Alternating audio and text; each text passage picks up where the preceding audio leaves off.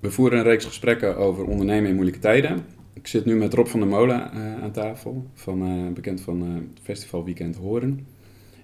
die heeft aardig wat turbulente tijden meegemaakt in zijn carrière als ondernemer. En daar gaan we vandaag even op inzoomen. je vertelde daar aan de telefoon al iets over en ik, ik was erg onder de indruk en ik dacht het is de moeite waard om dat even op te nemen, zodat ook andere mensen het kunnen horen en er ja, hopelijk iets van kunnen leren.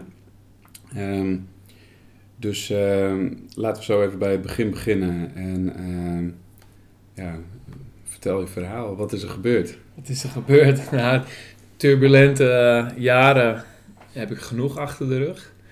Dus dat is niet alleen maar van 2020, eh, eh, COVID-19. Geen festivals, helaas dit jaar. Maar ik heb, ik heb mooie avonturen beleefd in de evenementen. En dat gaat soms goed. En dat gaat ook heel vaak wat minder goed. Hoge pieken en diepe dalen volgens mij. Ja, ja. precies. En uh, inderdaad, het, uh, dit jaar, daar gaan we straks zeker even op inzoomen. Ik denk dat dat voor de meeste mensen gewoon heel relevant is. Want een heleboel mensen zitten nu met de vraag van ja, wat de fuck ga ik doen? Um, maar uh, ik denk dat jij ook inderdaad van de afgelopen jaren een heleboel geleerd hebt wat je nu kunt meenemen en waar ja. anderen ook iets van kunnen meenemen. Ja. Um, je zit in de evenementenbranche. Ik zei net al, uh, Festival Weekend Horen.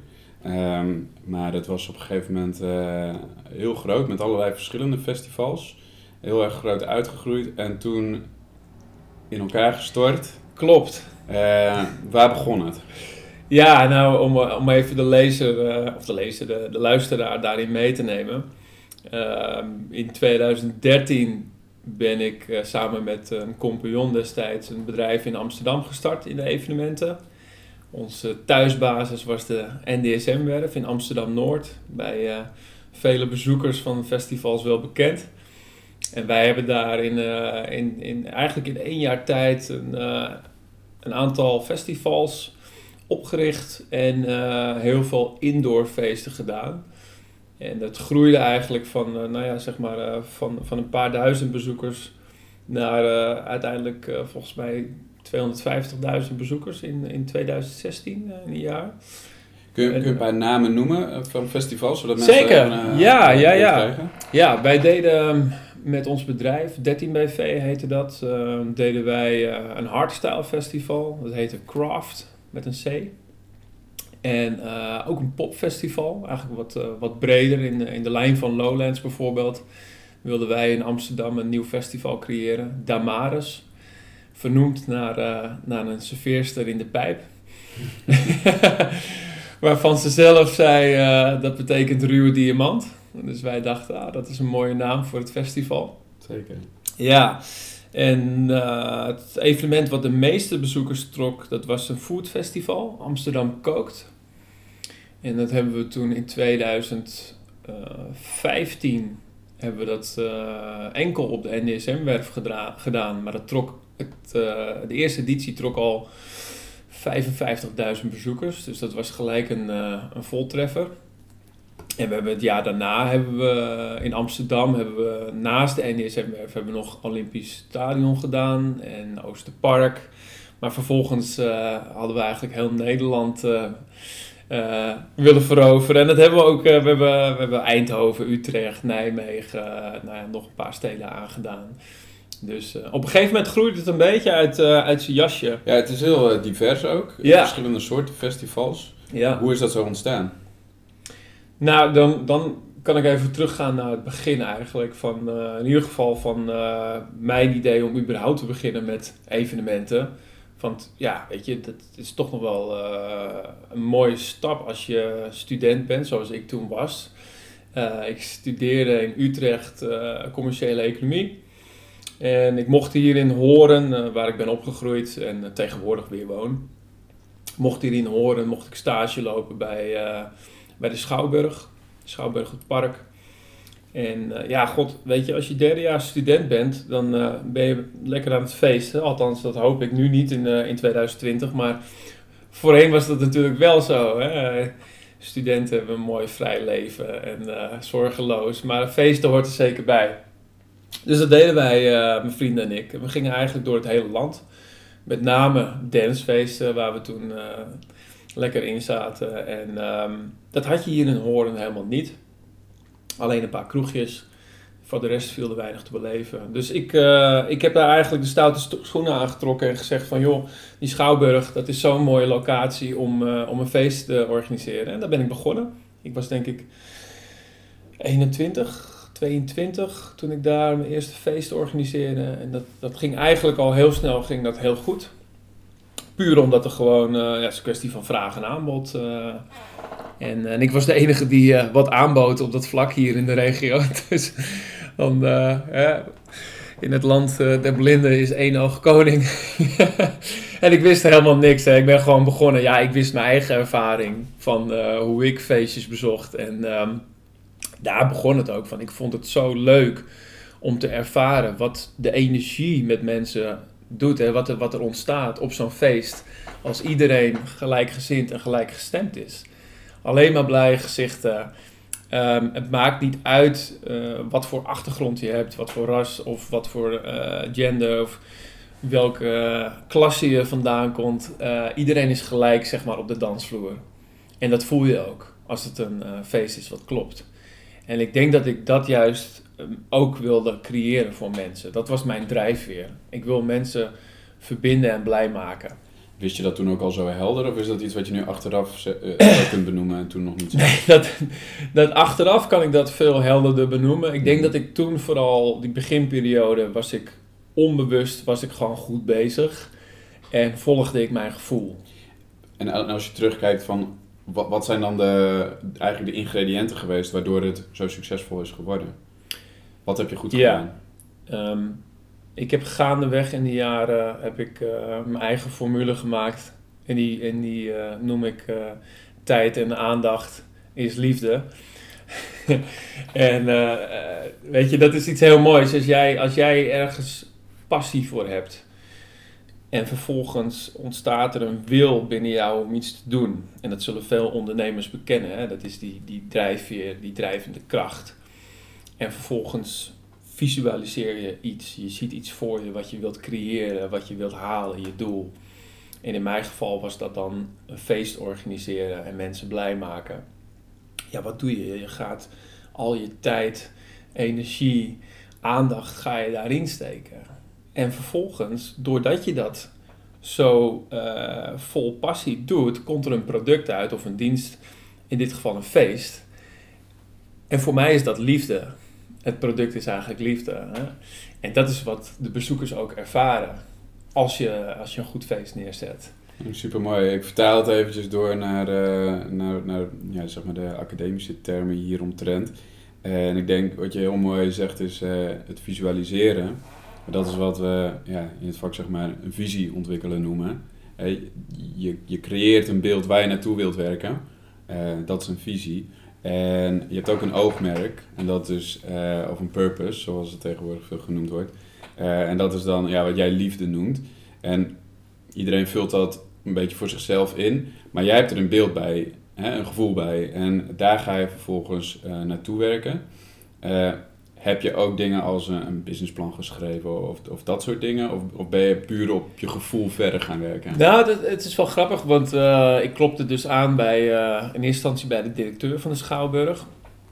Ik was een jonge, jonge student, stagiair. En het idee om daar überhaupt een feest voor jongeren te organiseren, een dancefeest... dat, dat gebeurt niet zomaar. dus hij zei wel van schrijf een plan. En als ik het goed vind, dan mag je het uitvoeren. Nou ja, ik had binnen een avond had ik tien kantjes geschreven met eigenlijk een soort businessplan van dit is wat we gaan doen voor deze doelgroep met deze strategie. En zo gaan we de kaarten verkopen. En zo gaan we zorgen dat er uh, ook aan de bar genoeg verdiend wordt. En, uh, en eigenlijk concept wat gelijk al meerdere keren per jaar ingezet kon worden binnen die schouwburg. En dat is, dat is eigenlijk hoe je natuurlijk ook uh, tijdens je studie leert dat. Hè? Dus dat, dat, dat zijn gelukkig wel de vruchten die je daarvan plukt. Ja, precies. En heb je dat plan ook daadwerkelijk gebruikt? Of was het meer voor de vorm dat je het even moest maken om, om maar goedkeuring te krijgen? Ha! Dit is echt een supergoeie vraag. en ik, ik, ik, ik moet eerlijk zeggen dat het meer neigt naar het laatste Omdat ik uh, zeker toen ook gewoon uh, echt blind op mijn gevoel afging. En ik, ik, ik, ik merk wel, ja, als ik nu ook even terugdenk, um, heb ik dat plan vrij snel losgelaten. En uiteindelijk ga je ook mee met de energie van, van je doelgroep, van de, van de bezoekers in dit geval van een evenement. Dus na, na één of twee, na, na, na het tweede evenement ga je veel meer luisteren naar wat de bezoeker wil en dan draai je aan die knoppen. En dus ga je mee in het gevoel. En uh, ik moet zeggen, die derde, die derde evenement leek al in geen enige verte meer op wat ik in het plan had geschreven. Het was alweer geëvalueerd eigenlijk. Ja, maar zo ontwikkel je toch iets door van iets kleins Precies. en wordt het steeds groter. Ja. Uh, hoe deed je dat? Uh, je, je gaf aan van, uh, dat je bij je doelgroep eigenlijk ging peilen ehm, wat ze ervan vonden. hoe deed je dat? Hmm. Nou, we praten nu over 2004. Er was toen nog geen Facebook. Um, Hives was toen net wel of net niet, weet ik eigenlijk niet meer, maar er gebeurde niet zo heel veel in het begin heb ik dat echt met uh, een soort van guerrilla uh, marketing gedaan. Door volgens mij zelfs nog, ik weet niet of ik het de zakelijke e-mailadres of eigenlijk mijn privé e-mailadres daarvoor heb gebruikt. Maar ik heb hier in de regio heb ik een soort kettingmail opgezet. met ook de, de strategie van als jij een mail terugstuurt met 10 van je vrienden in CC, dan maak je kans op twee tickets voor de volgende keer. En, uh, en dat ging eigenlijk best wel hard. En, en toen, hè, veel mensen waren toen nog niet zo van de spam en dat vonden ze allemaal eigenlijk wel interessant dat ze een keer een mailtje kregen, zeker dan van een feest. En dat ging eigenlijk zo snel dat ik binnen no time had ik niet honderden, maar misschien wel duizenden adressen hier uit de regio. En die kon ik dus ook heel makkelijk een mail sturen van, goh, wat vond je van het feest? En een feedback krijgen, weet je wel. En moet ik wel eerlijk zeggen dat uh, hier in Horen, uh, je moet je voorstellen, de kern van Horen, er wonen 40.000 uh, inwoners. En in de gemeente zelf 70.000. Eh, het is niet zo heel groot, dus iedereen, zeker de jongeren, spreken elkaar al vrij snel eh, op straat of in de kroeg. En uh, de feedback die kwam eigenlijk aan alle kanten van, uh, wauw, weet je, dit is, dit is iets waar, waar horen aan toe is. Aan zo'n feest- en evenementenlocatie eigenlijk ook. Dus het ging binnen no time uh, ging dat heel goed. En dat gaf mij de ruimte om te denken van, hey, ik wil hier verder mee. Ik kan er ook geld mee verdienen, want het, is, het wordt succesvol. En ik hoefde niet gelijk na mijn studie hoe zou ik dat zeggen? Ik hoefde niet gelijk een carrière te gaan bouwen ergens bij een werkgever. Want ik nou ja, kon hier wel even mee aan de gang. En dat, uh, dat is mooi, want uh, niet veel later kreeg ik de kans om mijn eerste festival hier in Horen te organiseren. En uh, dat was 2007. Toen had je eigenlijk bijna nog geen dancefestivals, behalve de hele grote, dus de Dance Valley Extrema Mysteryland. Maar de, de middelgrote dancefestivals, die waren echt op één hand te tellen. En ehm, ik ben er toen in 2007 ben ik daarin gestapt. Ik had geen flauw idee wat ik moest doen. Behalve dat ik wist dat ik festivals echt gek vond om te bezoeken. En ik dacht gewoon van, weet je, uh, ik zie wel hoe het gaat. Ik zie wel hoe ik het red. We gaan het gewoon regelen. En dat is natuurlijk uh, blind optimisme. En we hadden het hiervoor ook even over uh, als inleiding van, weet je, maar als jij ergens vol passie voor gaat en, uh, en je, wil, je wil dat het slaagt, dan gaat het ook slagen. En dat zullen nogmaals heel veel, heel veel ondernemers zullen dat herkennen. Niet iedereen slaagt uiteindelijk. Je kan het wel proberen, maar je kan ook um, falen. Die eerste editie moest dik geld bij. ik had geld geleend van, van mijn ouders, van mijn broer, van weet ik van wie allemaal. Want uh, ik was nog steeds, uh, ik bedoel, ik was geen rijke student. Ik was een student die, uh, laten we zeggen, zichzelf leuke dingen kon veroorloven. Maar niet ook veel meer dan dat hoor. En uiteindelijk toen ik, toen ik dat festival kon doen, moest volgens mij de eerste editie iets van 20.000 euro bij. Dus dat was best nog wel een hoop geld. En de tijd en energie die erin steekt, dat uh, was tijd en energie die ik niet uh, ergens anders in kon steken en dus geen geld kon verdienen. Dus aan twee kanten bloedde het eigenlijk. Maar het was wel een succes in de zin van iedereen vond het te gek, het festival. En de mensen die er waren, die vertelden dat natuurlijk allemaal tegen hun vrienden en de buren. En het jaar erop wist ik, ik wist gewoon al van dit gaat een succes worden. Want hier is Horen ook weer aan toe. En dat werd het. En uh, dat tweede jaar heb ik mijn geld terugverdiend en er bleef nog wat leuks over. Dus ik wist van wauw, weet je, dit is in ieder geval een, een basis om op verder te gaan. Maar nog veel belangrijker was de energie die ik kreeg van zo'n festival neerzetten. Was nog veel belangrijker. En ook doorslaggevend om te zeggen, hier wil ik verder mee, hier ligt mijn passie. En wederom was dat mensen samenbrengen, mensen blij maken en, uh, en die energie eigenlijk creëren. Want dat is waar alles om draait, om energie. Deed je dat allemaal alleen? Ja, helemaal uh, in mijn uppie. Echt waar? Want ik kan me voorstellen dat als je net uit de schoolbanken komt of daar nog met, misschien nog met één been in zit, ja. uh, dat je denkt een hoop te weten, maar dat je toch ook nog een heleboe moet leren en dat je best gebaat kunt zijn bij wat ervaring van iemand anders. Ik heb geen flauw idee waarom ik dacht van ik ga het even lekker in mijn eentje doen, maar... ik ben heel erg eigenwijs en blijkbaar was ik toen nog veel, uh, nog veel uh, eigenwijzer dan, uh, dan nu. Zou je dat nu weer zo doen? Nee. nee, ik, ik, maar ja, aan de andere kant, ik heb er zoveel van geleerd ook, weet je. En, um, en ik had gewoon, ik had echt de energie om het ook in mijn eentje te doen. Mm-hmm. En er was ook geen vraagteken in mijn hoofd. Het was, weet je, zoiets krijg je gewoon door. En dat gevoel krijg je in je lichaam.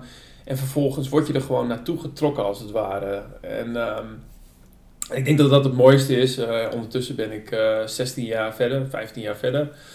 En ik heb natuurlijk ook de, de andere kant van de medaille heb ik ook wel gezien. En, uh, en ook samenwerkingen met verschillende partners gehad. Waarbij ik achteraf weer dacht van, mm, had ik het maar alleen gedaan. Weet je, het is, samenwerken kunnen heel mooi zijn, kunnen heel waardevol zijn. Maar ja, je moet ook kijken van, hey, lig ik wel op één lijn met de mensen met wie ik samenwerk? En eigenlijk nog belangrijker, ben ik achtergekomen, delen we dezelfde waarden. Is dat wat jou betreft het belangrijkste uh, ingrediënt voor een succesvolle samenwerking?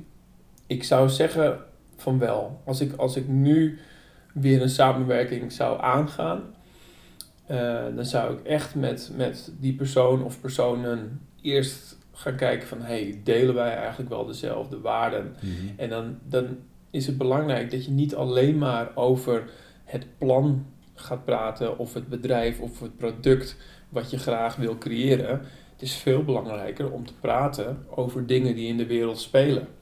En dan dus te horen van, hé, hey, wat is eigenlijk het me de mening van die persoon?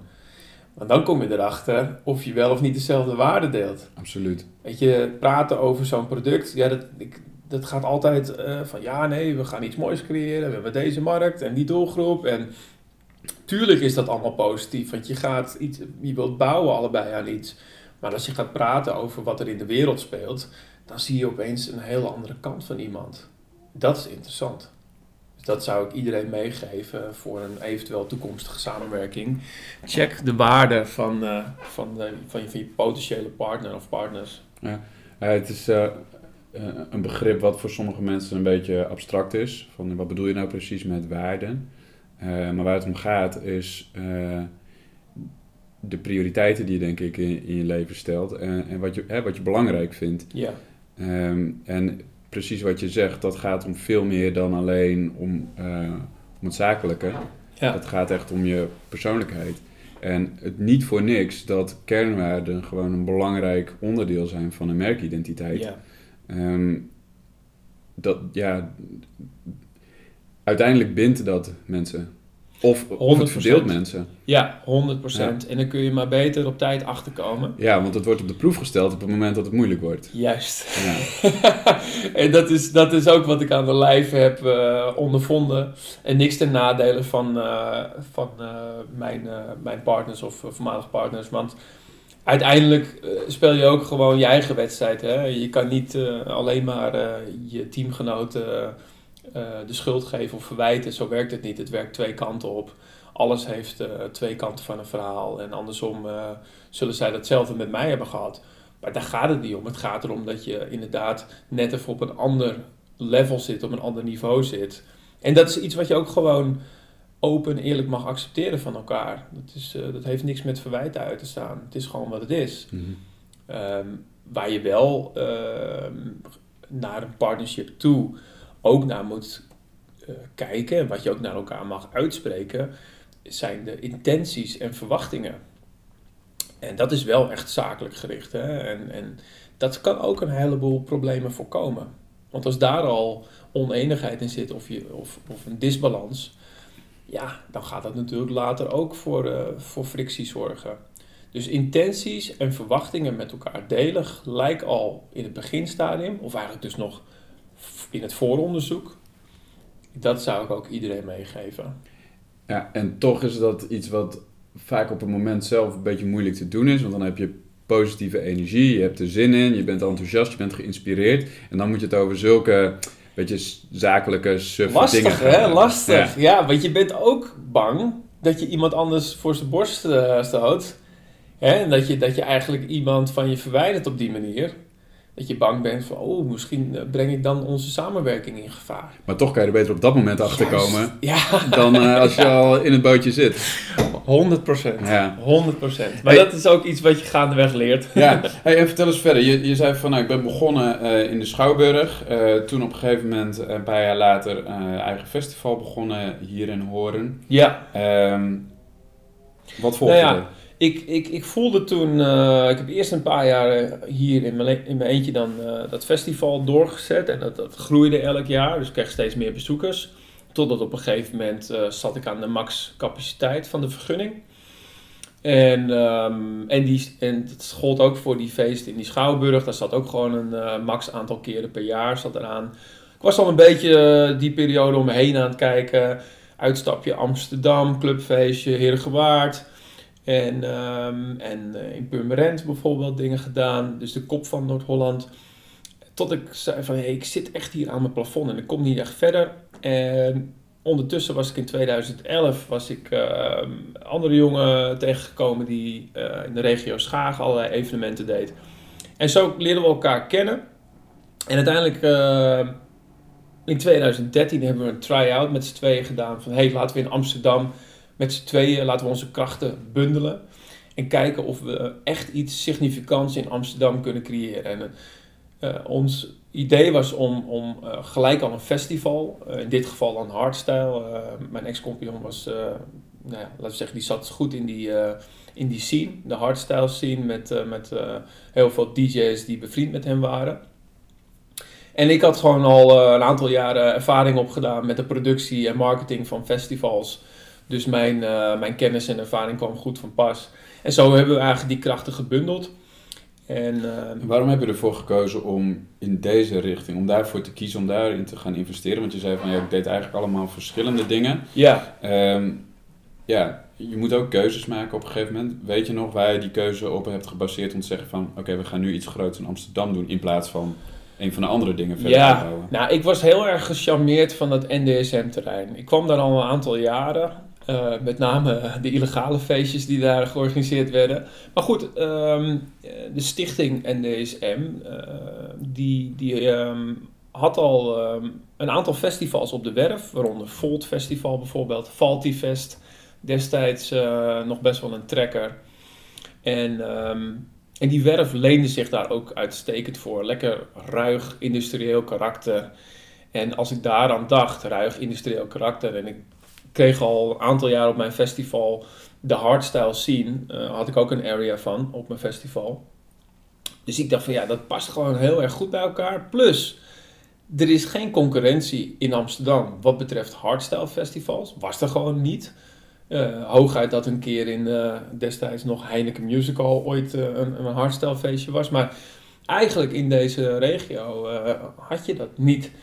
En um, toen dacht ik van ja, 1 en 1 is 2. We gaan daar gewoon een hardstyle festival gaan we daar neerzetten. En we trekken mensen uit het hele land, hardstyle liefhebbers, trekken we naar de hoofdstad, naar Amsterdam.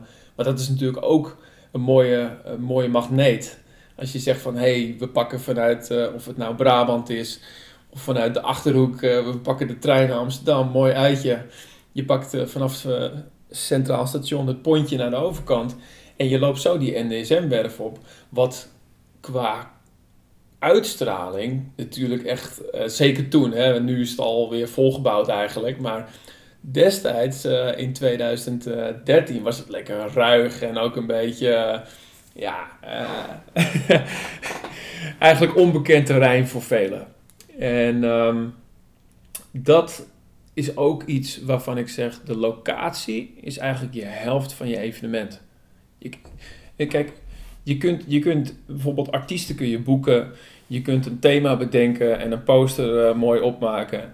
Maar een locatie, weet je, dat is gewoon al een magneet voor bezoekers. Dus ehm, wij, ik, ik zeg van, die NDSM-werf was destijds, hadden we gewoon een hele mooie troef in handen. En dat bleek ook, want het was gelijk een voltreffen. En we mochten dat eerste jaar nog niet op de werf een festival doen. We mo- mochten toen in de loods, je hebt daar een hele grote scheepsbouwloods, mochten we wel ons indoor feest doen. En die was gelijk uitverkocht, eerste jaar eh, 2013. En toen zag die stichting ook in van oké, zij kunnen wel serieus mensen bereiken. Laten we dan dat festival hun gunnen. Maar de stichting was niet zo gecharmeerd van hardstyle. Dus die zei, jullie moeten ook een tegenhanger hebben van hardstyle.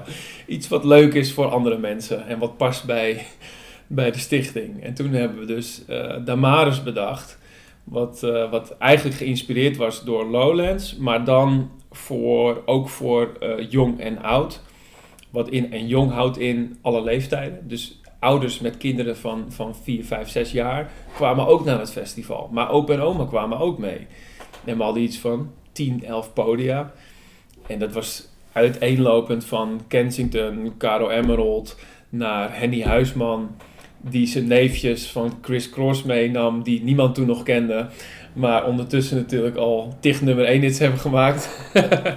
Voordat we daar verder op ingaan, want dat vind ik ook heel interessant, ben ik eventjes benieuwd. Je zei van het eerste festival dat ik in Hoorn organiseerde, daar moest geld bij. Dat was geen succes. Nou, eh, dan leer je een, een aantal edities leren, een hoop. Ja, Nu, de eerste keer was meteen uitverkocht, zei je. ja, ja. Ehm, wat heeft het verschil gemaakt? Kan je dat benoemen? Welke lessen heb je geleerd die ervoor zorgden dat je nu met een heel nieuw concept, een nieuw festival, een nieuwe locatie, nieuw team, eh, dat je in één keer eh, ja, schot in de roos had, zeg maar, waarbij je vorige keer nog het wiel wat moest uitvinden?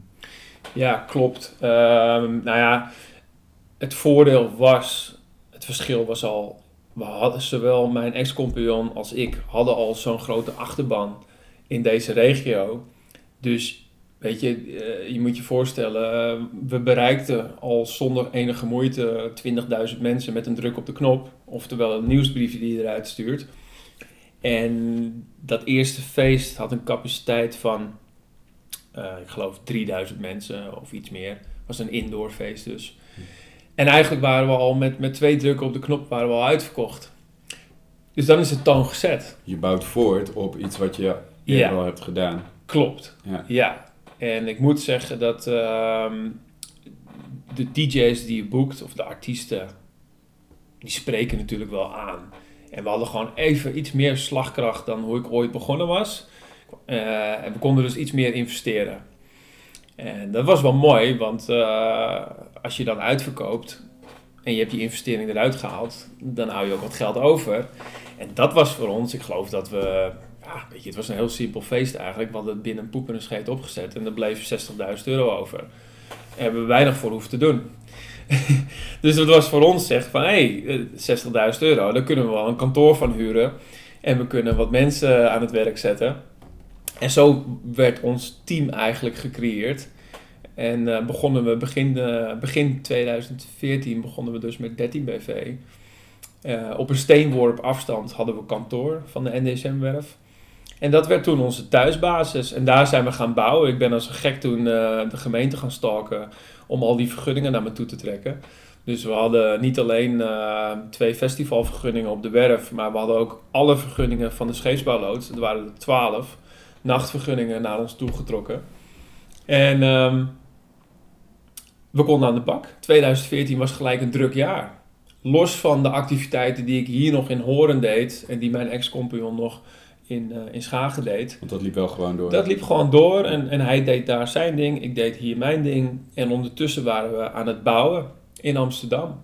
En toen eh, kreeg je de opdracht eh, om een, ook een wat publieksvriendelijk of nou ja, een ander Ja, ja. publiek aan te spreken. Ja, dus toen nee, ben je met Damaris begonnen. Ja, Damaris. Je was net al even over aan het vertellen.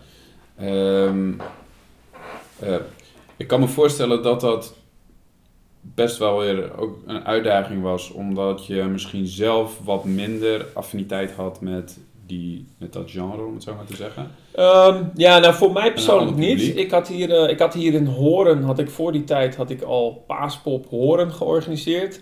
Met, eh, ook met Kensington toevallig, maar ook met Chef Special, Douwe Bob. Eh, heel veel bands. Dus ik, ik had zelf al eh, affiniteit mee. eh, en daarnaast vind ik ook gewoon muziek in alle genres vind ik leuk. Dus ik, weet je, ik ben niet wat dat betreft van de hokjes. Ik vind echt wel alles spreekt me aan. Grap is dat ik daarvoor eigenlijk nooit echt naar, zelf naar, naar hardstyle feest ging voor craft. Maar als je dan die energie van die mensen voelt, ja, dat, dat, dat past tegelijk. Dat, dat voelde als een warm bad. En Damaris was, wel, was wel even schakelen hoor. Want je gaat, weet je, als je dan met grotere artiesten te maken krijgt. Bijvoorbeeld zo'n zo'n Caro Emerald, die was toen eh, vlak daarvoor nummer 1 in Engeland. Het was echt wel een, een, een goede grote artiest, een trekker. En eh, uiteindelijk hebben we ons daarin vergist, want uiteindelijk verkochten we daar geen kaarten op, maar verkochten we juist kaarten weer op het concept en op de locatie. En, en zo blijf je altijd een beetje eh, bijschaven. Dus 2014 was voor ons een leerjaar en toen hebben we ook gezegd van hey, de positieve dingen halen we eruit, de, de evenementen die goed lopen en, ehm, en de concepten die niet lopen, die eh, laten we achterwege. En zo zijn we eigenlijk eh, doorgegaan naar 2015. En ehm, ja, dat was voor ons het jaar waar we zeiden van oké, en nu gaan we echt eh, een succesvol bedrijf neer, neerzetten. Je had inmiddels al een kantoor en een team. Hadden we al, en dat, dat, kantier, dat team dat breidde zich alleen maar uit, dat werd groter. Waar moet ik aan denken, orde van grootte? Nou, ik, ik denk in 2014 begonnen we met z'n vijven. Aan het eind van het jaar waren we denk ik met z'n tienen. En gaandeweg 2015 groeide dat naar ja, 13, 14 en uiteindelijk eind. Ik denk dat we 2016 hadden we iets van 16 of 18 man. Mhm. En dat is voor, een- voor zo'n evenementenbureau is dat best wel behoorlijk. Hele andere situatie dan eh, hoe je begonnen was in je In eentje. eentje, ja. Ja? Ik was opeens ook eh, manager. Maar ja, heel eerlijk, ik wilde helemaal geen manager zijn. Dat hoor ik al vaker. Ja, ik wilde, weet je, dit is, dat is achteraf gezien, denk je van ja, eh, hoe heb ik dat ooit zo op die manier kunnen doen? Want eigenlijk, dat, dat, dat kostte mij op een gegeven moment zoveel energie.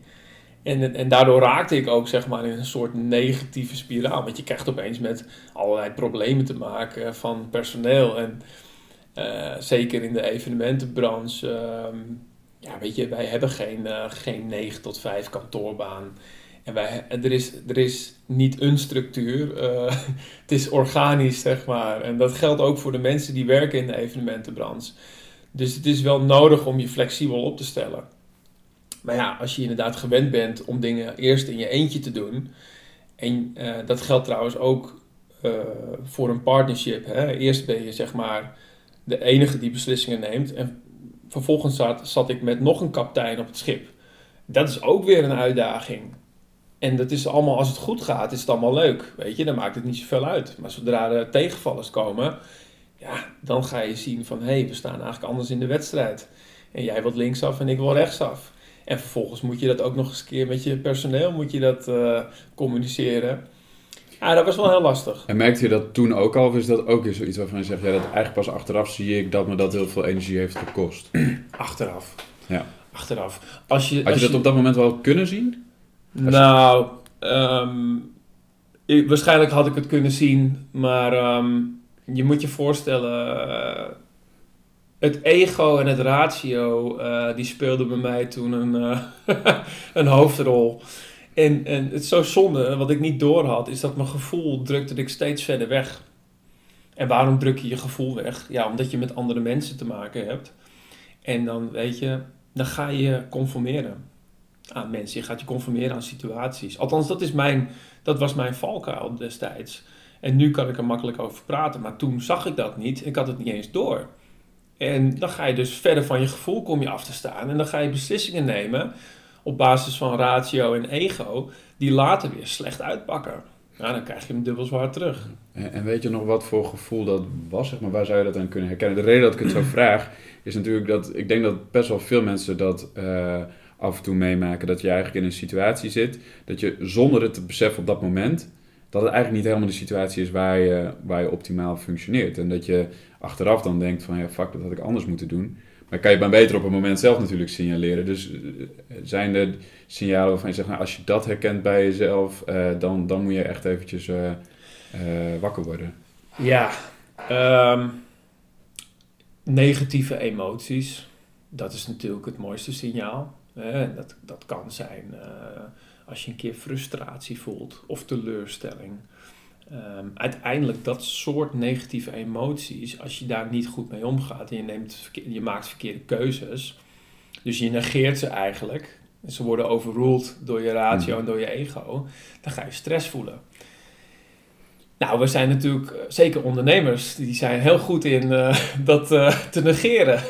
ja, en maar aan de andere kant, het hoort er ook een beetje bij. Het kan niet altijd roze geur en maneschijn zijn. Af en toe dan, ja, niet alles gaat volgens wens. En soms dan denk je, ja, ik moet hier even doorheen bijten, straks komt het wel weer goed.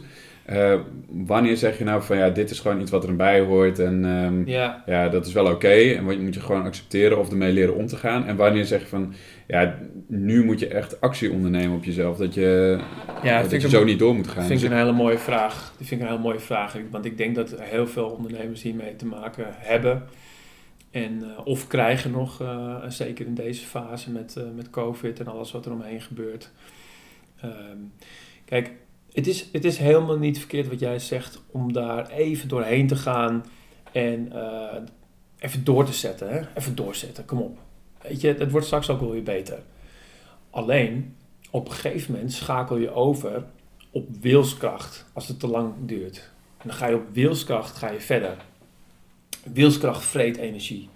En op een gegeven moment gaat je lichaam gaat signalen geven. En dat kan uh, zijn uh, bijvoorbeeld duizeligheid, is een voorbeeld. Uh, stress zorgt voor zoveel ongemakken in je lichaam en die kunnen zich het kan ook zijn dat je wat hartkloppingen krijgt. Um, die zijn best wel, het, zijn, het kunnen sub, subtiele signalen zijn in je lichaam. Maar je mag ze niet negeren. En ik heb dat wel gedaan. En wat er gebeurt is, je gaat dat ook nog eens een keer...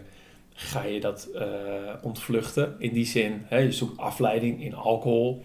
Of in drugs, of in vrouwen, of in uh, wat anders. wat je wilt, maar niet met die, met die negatieve emotie, met die stress geconfronteerd worden. Je wilt eigenlijk even ontspannen. Zeker als het steeds zwaarder wordt in je werk en je krijgt nog meer op je bordje. Dan heb je nog meer de neiging om, om dat te gaan ontvluchten. Bijvoorbeeld s'avonds of in het weekend.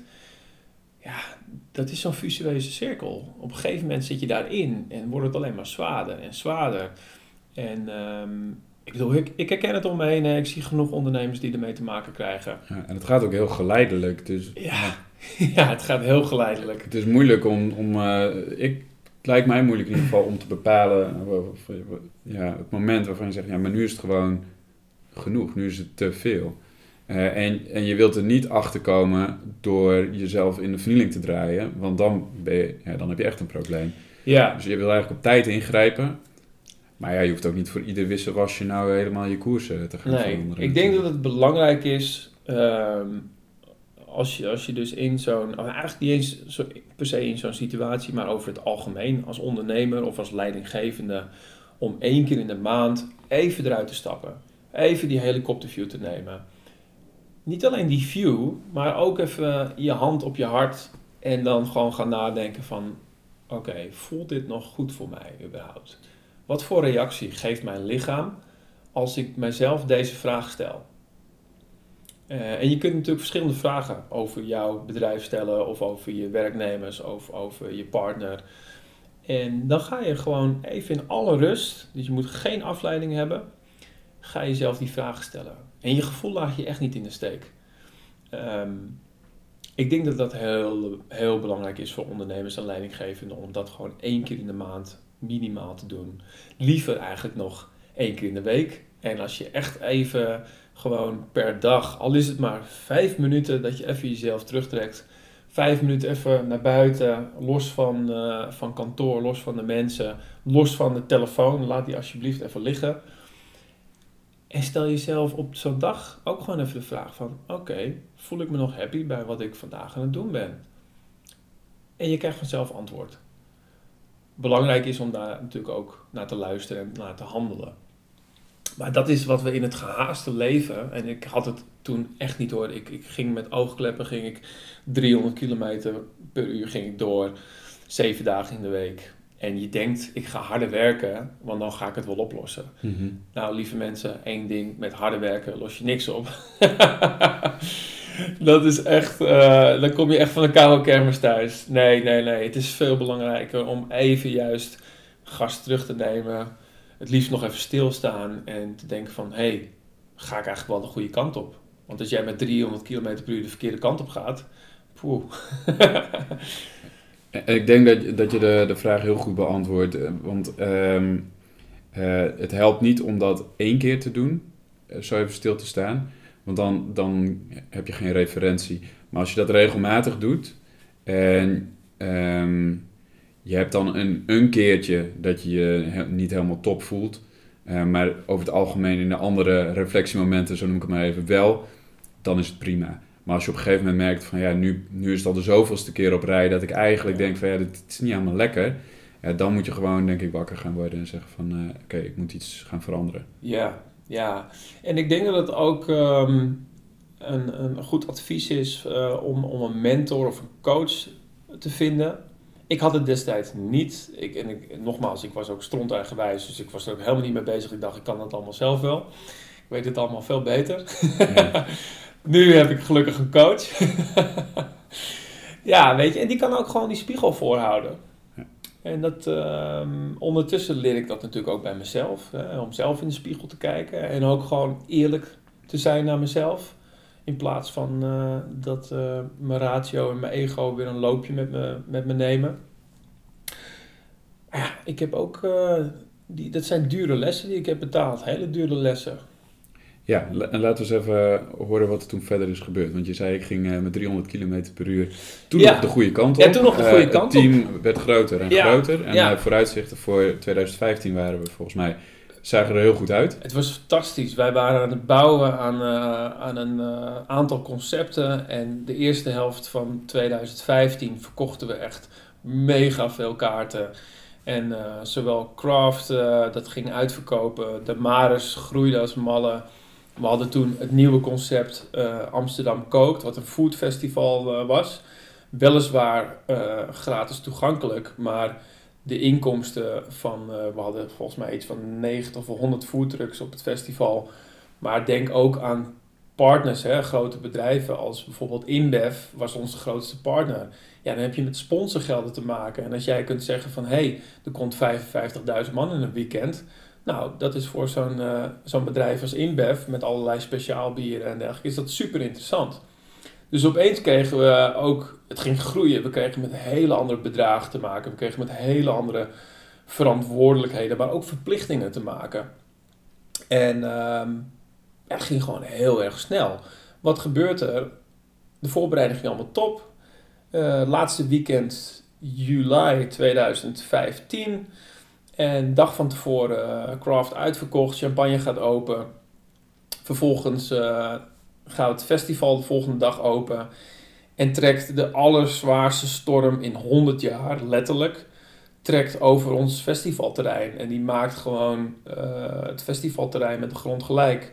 Wij waren, de voorspelling was dat die storm eigenlijk net langs Amsterdam zou gaan en dat die ook op tijd weer zou afvlakken. Nou, dat gebeurde niet. Hij ging echt recht over Amsterdam. En NDSM-werf zit aan het water, aan het ei. Dus alle windstoten kwamen ook gewoon volle kracht kwamen daar binnen op de tenten, op de podia. Uh, wij waren om 12 uur open gegaan. Waren binnen een uur waren er al 10.000 mensen binnen. Maar na een uur, echt om, om, om één uur hebben we al gezegd van oké, als je nog thuis bent als bezoeker, blijf thuis. Als je onderweg bent, keer, uh, keer om. En uh, uiteindelijk hebben we ook die bezoekers die bij ons op het terrein stonden, hebben we allemaal ondergebracht in, in de scheepsbouwloods. En, en toen vlogen gewoon de, de ledschermen vlogen, vlogen van links naar rechts over het terrein en tenten stortten in. Allemaal dat soort ellende. Eh, dat was natuurlijk, uh, ja, dat hadden we niet, uh, niet voorzien. En wij waren verzekerd voor schade, maar we waren niet verzekerd voor bijvoorbeeld derving van inkomsten bij de bar. Nou ja, dan moet je het als festival zijn, dan moet je daar eigenlijk voor een heel groot deel van hebben.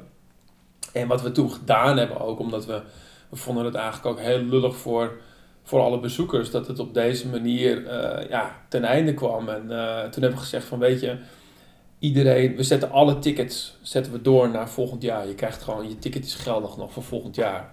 Maar ja, wat je daarmee doet, is je geeft eigenlijk in één klap, geef je gewoon 4,5, 5 ton aan tickets geef je weg. Los nog van de inkomstenderving aan de bar en los nog van, uh, van andere dingen die, uh, die je mist of, of, of schades die niet onder de verzekering vallen. Verzekering dekt nooit Weet je, verzekering zal altijd proberen zo min mogelijk uit te betalen. Dus je kan nog zo goed gedekt zijn, maar dan nog uh, weten ze het, mooi, uh, het spel mooi te spelen.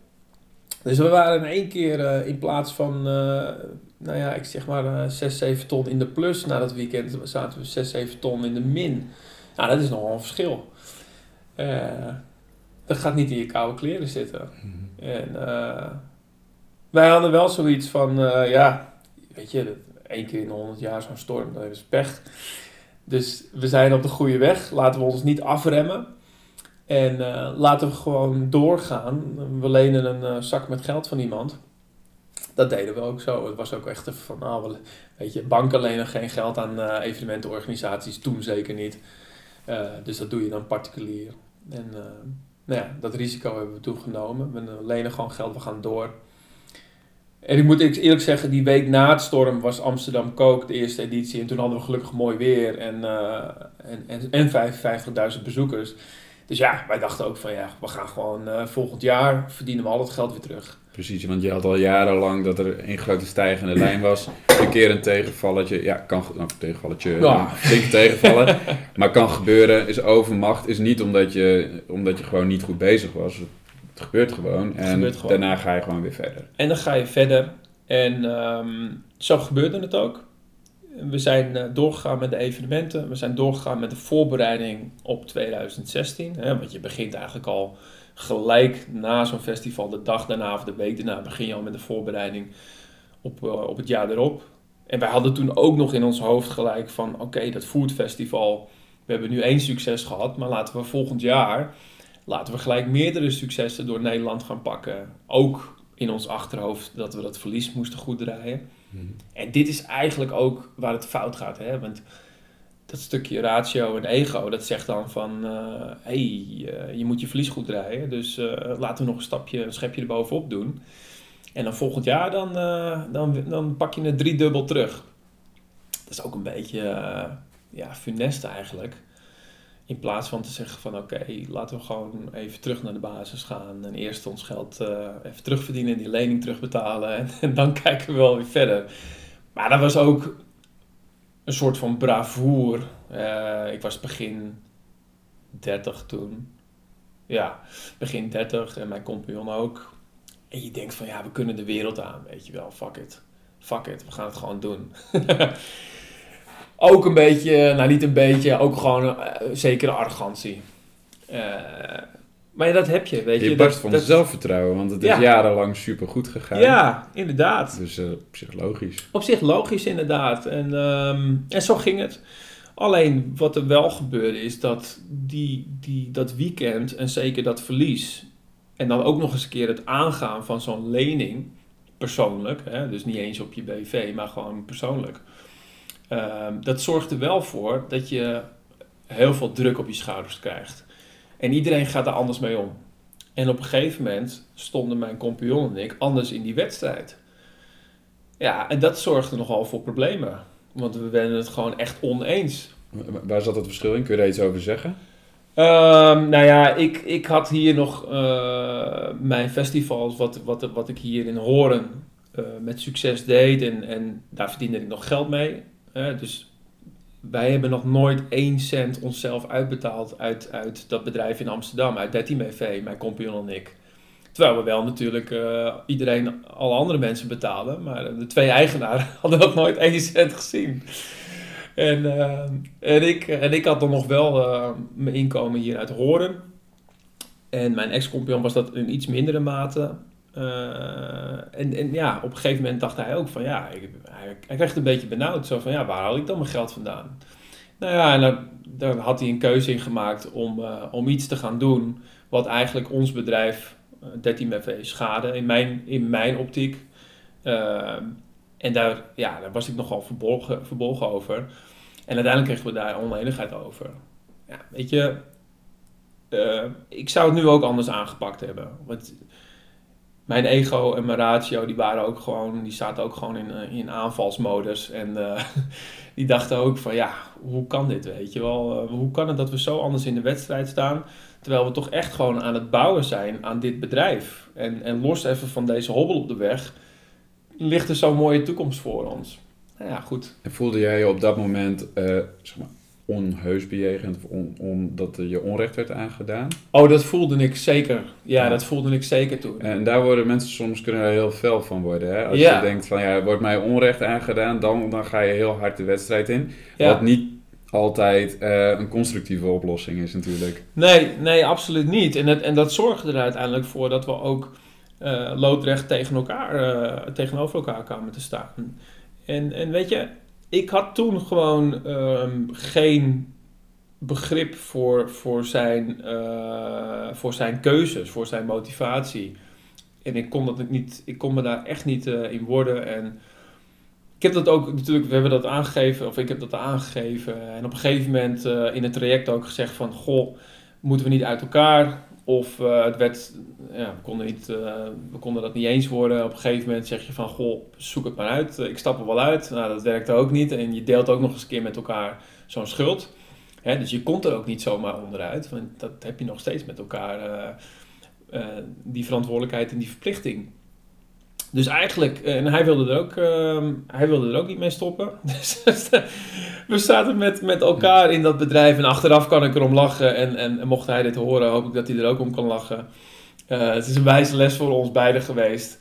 Maar het was niet leuk dat, uh, dat je bent met een team van, van wat zei ik, 18 mensen. En dat gewoon s ochtends, weet je, de deur tussen de muur wordt dichtgesmeten. En je hebt, daar heb je een kamp en daar heb je een kamp. En allebei, uh, allebei negatieve energie richting elkaar. En het was zelfs zo erg dat we op een gegeven moment hebben gewoon gezegd... Oké, jij organiseert uh, die festivals en ik doe deze. Mhm. En voor de rest willen we eigenlijk niet zoveel met elkaar te maken hebben. Dus regel het maar gewoon voor 2016. En 2017 hadden we ook nog uh, een hele planning gemaakt. Hoe, hoe lang heeft die situatie voortgeduurd dat jullie zo erg haaks op elkaar stonden? Uh, ruim een jaar. Zo. Ruim een jaar, ja. Ja, en dat, dat, dat hakt erin. Dat hakt gewoon, dat hakt in je energie. En uh, dat hakt, uh, als ik zeg dat hakt in je energie, dat betekent dus eigenlijk dat het alles in je leven beïnvloedt. Hè? Niet alleen het bedrijf. Mm -hmm. En, en dan, het bedrijf, uh, dat zal voor veel ondernemers die, de, die dit luisteren herkenbaar zijn je hebt bij wijze van spreken, je hebt je bedrijf op nummer 1. Uh, eh, als je een compagnon hebt, of het nou goed of slecht staat, dan staat hij op nummer 2. Je hebt je werknemers, je hebt je leveranciers, je hebt je partners. En zo heb je een hele prioriteitenlijst waar je eigenlijk de hele week mee bezig bent. En uh, ik merkte gewoon, uh, achteraf pas hoor, maar bijvoorbeeld mijn, mijn relatie thuis, privé, nou, die kwam ergens op nummer 6, 7, 8 of 10. Hetzelfde geldt voor mijn vrienden of voor mijn familie, mijn social life. Ehm, of kijk eens in de spiegel naar je eigen persoon. Waar kom jij eigenlijk? Waar komt je gezondheid? He, want op een gegeven moment ben je ook jezelf aan het verwaarlozen daarin. Oh, en dat is helemaal, dat, dat vreet ook van binnen. Hè? En zeker als je dan nog je uitvlucht zoekt in bijvoorbeeld, uh, oh, moet even na deze zware dag, moet ik even een borrel doen. Nou ja, het wordt nooit één borrel, het zijn altijd meer borrels ja, als je daar al op dinsdag mee begint en aan het eind van de week uh, elke avond en in het weekend doe je nog een schepje bovenop. Weet je, dit zijn allemaal van die dingen wat denk ik herkenbaar is voor heel veel ondernemers. En op een gegeven moment loop je jezelf voorbij. En je loopt iedereen voorbij. En waar ben je dan nog? En dit is, dit is iets uh, wat misschien ook in deze tijd met, met de crisis uh, zelfs nog komen gaat voor heel veel ondernemers. Want ik bedoel, er staat ons nog heel wat te wachten natuurlijk. Mm. als, je dit, als je dit hoort, weet je wel, pas goed op jezelf en zorg dat je je prioriteitenlijstje op orde hebt. Wat, wat, is nou echt belangrijk in het leven? Wat, wat is er nou echt belangrijk in het leven? Wat denk jij? Wat is het voor jou? Voor mij uh, is het uh, eerst mijn gezondheid en, en, en uh, mijn eigen positieve energie. Want als ik dat niet heb, als ik niet gezond ben, ik zit niet lekker in mijn vel, ik heb geen positieve energie. Um, wat voor partner kan ik dan thuis zijn? Ondertussen is het gelukkig mijn vrouw, ondanks dat we al een keer uit elkaar gaan. Maar um, we zijn nu gelukkig getrouwd. Maar wat voor partner kun je zijn als jij niet goed in je vel zit en als jij geen goede energie hebt? Dus denk eerst aan jezelf. Zet jezelf gewoon bovenaan. Klaar. Dan hoef je helemaal niet, uh, weet je, dat is, dat is niet egocentrisch. Dat is juist heel belangrijk, want je helpt uiteindelijk de mensen om je heen, help je er ook mee. Als jij een leuke persoon bent. En het tegenovergestelde, als jij slecht in je energie zit, dan zal dat op alles en ook je bedrijf en je partner op de zaak en je werknemers, op je klanten, het zal overal effect op hebben. Dus zorg eerst dat je jezelf op orde hebt. Ga lekker sporten, ga gezond eten. Zorg dat je die stress uit je lijf beweegt. Ga sparren met een coach of een mentor. Dit zijn allemaal dingen. Neem die helikopterview, neem de tijd voor jezelf. Essentiële zaken. De grap is, in die tijd vond ik het allemaal bullshit en dacht ik alleen maar, ik moet harder roeien, want dan kom ik aan de overkant. Verschrikkelijk. Ja, en um, je, je denkt ook van, nou, ik ben een grote jongen, uh, ik kan wel wat hebben. Um, en uh, ik ga gewoon door. En uh, ik probeer het voor anderen zo makkelijk en prettig en goed mogelijk te maken. En jezelf wat wegcijferen, dat gebeurt heel makkelijk. Ja. maar uiteindelijk, inderdaad, wat je zegt, jij zegt heel mooi, hebben de anderen er ook last van als jij er gewoon doorheen zit en geen positieve energie meer kunt uitstralen. Zeker. Dus dat is, dat is een hele, hele goeie. Um, en je noemde ook al een aantal dingen hoe je daarvoor kunt zorgen. Uh, ik vind zelf goede nachtrust ook altijd belangrijk. Oh, ja. Er wordt ook altijd heel makkelijk over gedaan van, ah, ik heb maar vier uurtjes slaap nodig. Nou, Nee. Nee, nee, ik ben het volledig met je eens. Ik ben het volledig met je eens. Uh, tegenwoordig leef ik veel meer uh, in het ritme van de natuur. Dat hm. betekent dat we gewoon om, om half zes ochtends opstaan. En we liggen om half tien liggen we in bed. En ook het ochtendritueel past daarin. Hè? Als ik nu zie wat ik ochtends al voor acht uur heb gedaan. En dat is ook aan jezelf dus. Dus jezelf tijd gunnen. Hè? Het is niet zo dat ik voor acht uur aan het werk ben. Mm -hmm. Absoluut niet ja, ik ben aan het werk aan mezelf. ja. ik leg een gezonde basis neer om de dag op verder te gaan of de week op verder te gaan. Dat is, ja. En wat is dan de volgende in het rijtje? Heb je dat zo helder? Of? In wat voor zin bedoel je? Nou, qua prioriteiten, sorry. Je zei van, ja, begin bij jezelf. Oh, begin bij jezelf. Ja, nou ja, uh, mevrouw, hm? 100%. Wij hebben nog geen kinderen. Uh, dat zal uh, hopelijk wel in de toekomst zal dat gebeuren, dat we ook kinderen hebben. Dan zullen die ook zeker in dat rijtje staan. Um, kijk, mijn, mijn, mijn kernwaarden zijn liefde, vrijheid en plezier. En ik vind het heel belangrijk dat je dus eigenlijk daar ook naar leeft. Dus ik probeer elke dag probeer ik met liefde, vrijheid en plezier te leven. En ik probeer dat ook over te brengen aan de mensen om me heen. En ik denk eigenlijk dat als je dat. Als je, Kijk, als je het hebt over prioriteitenlijstje, ja, goed, ik zei net al, jezelf en je, je partner en je kinderen en, en, en de mensen van wie je houdt. Dat is belangrijk. Kijk, dat bedrijf, als jij goed in je vel zit, dan volgt het bedrijf wel. Dan volgen jouw klanten wel. Jij werkt eigenlijk als een soort magneet. Positieve energie trekt positieve energie aan. En, en dat, geldt, dat geldt voor een ondernemer precies zo. En uh, als jij meegaat in die positieve flow, dan komen vanzelf komen nieuwe ideeën, uh, nieuwe producten, nieuwe klanten. Dat gaat allemaal vanzelf. Dus zorg er gewoon voor dat je, dat je je eigen prioriteiten op orde hebt, privé.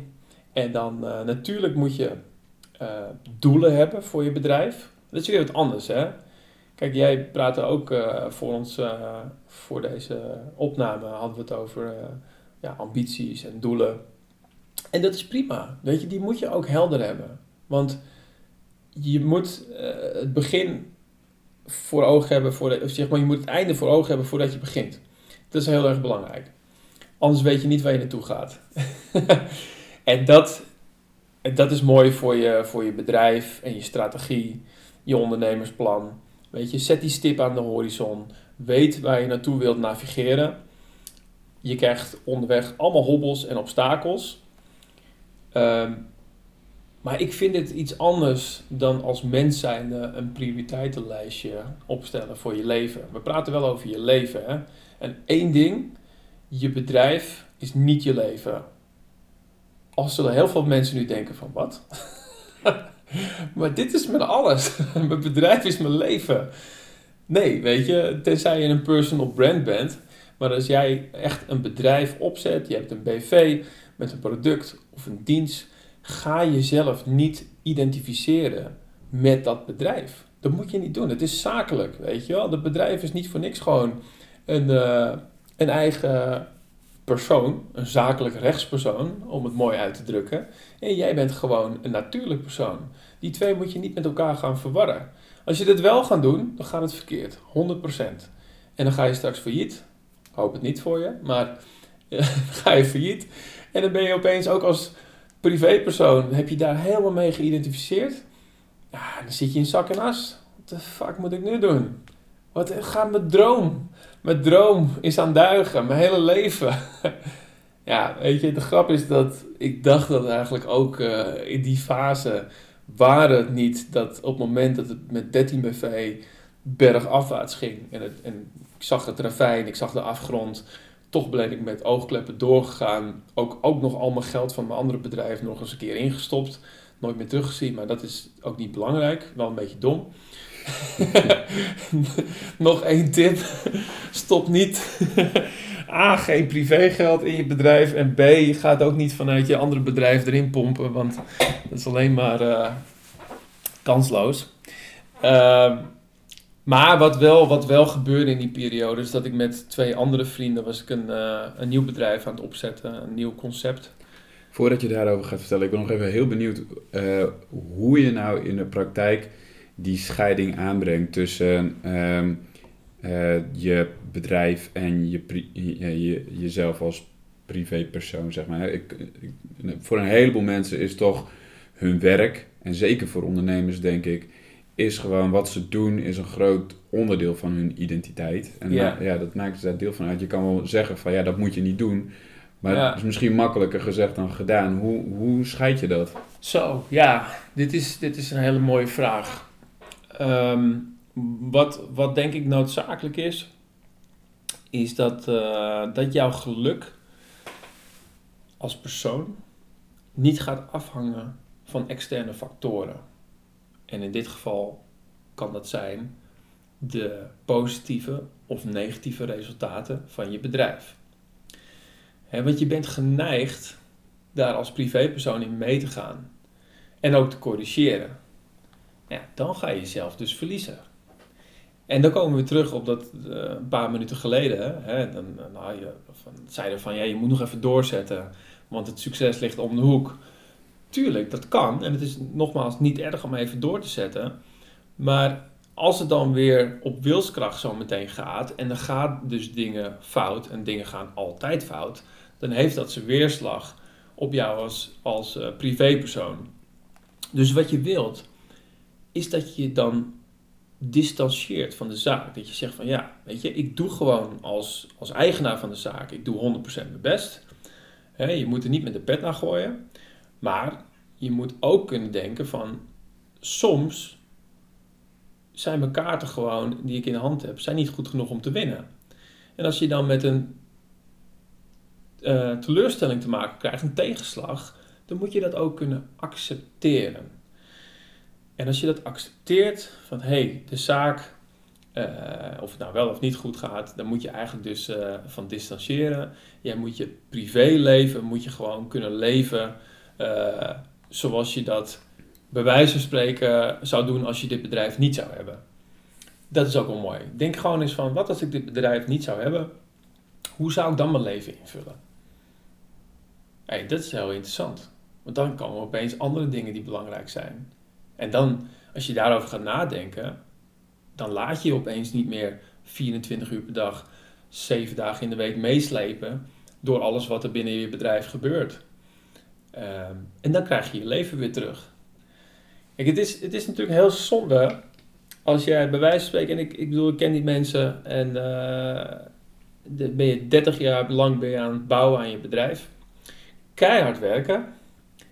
Er is niks meer mis mee met keihard werken, maar als jij niet geniet en je cijfert jezelf dus constant weg, ja, oké, dan heb je dus na 30 jaar hopelijk je bedrijf verkocht voor een zak geld.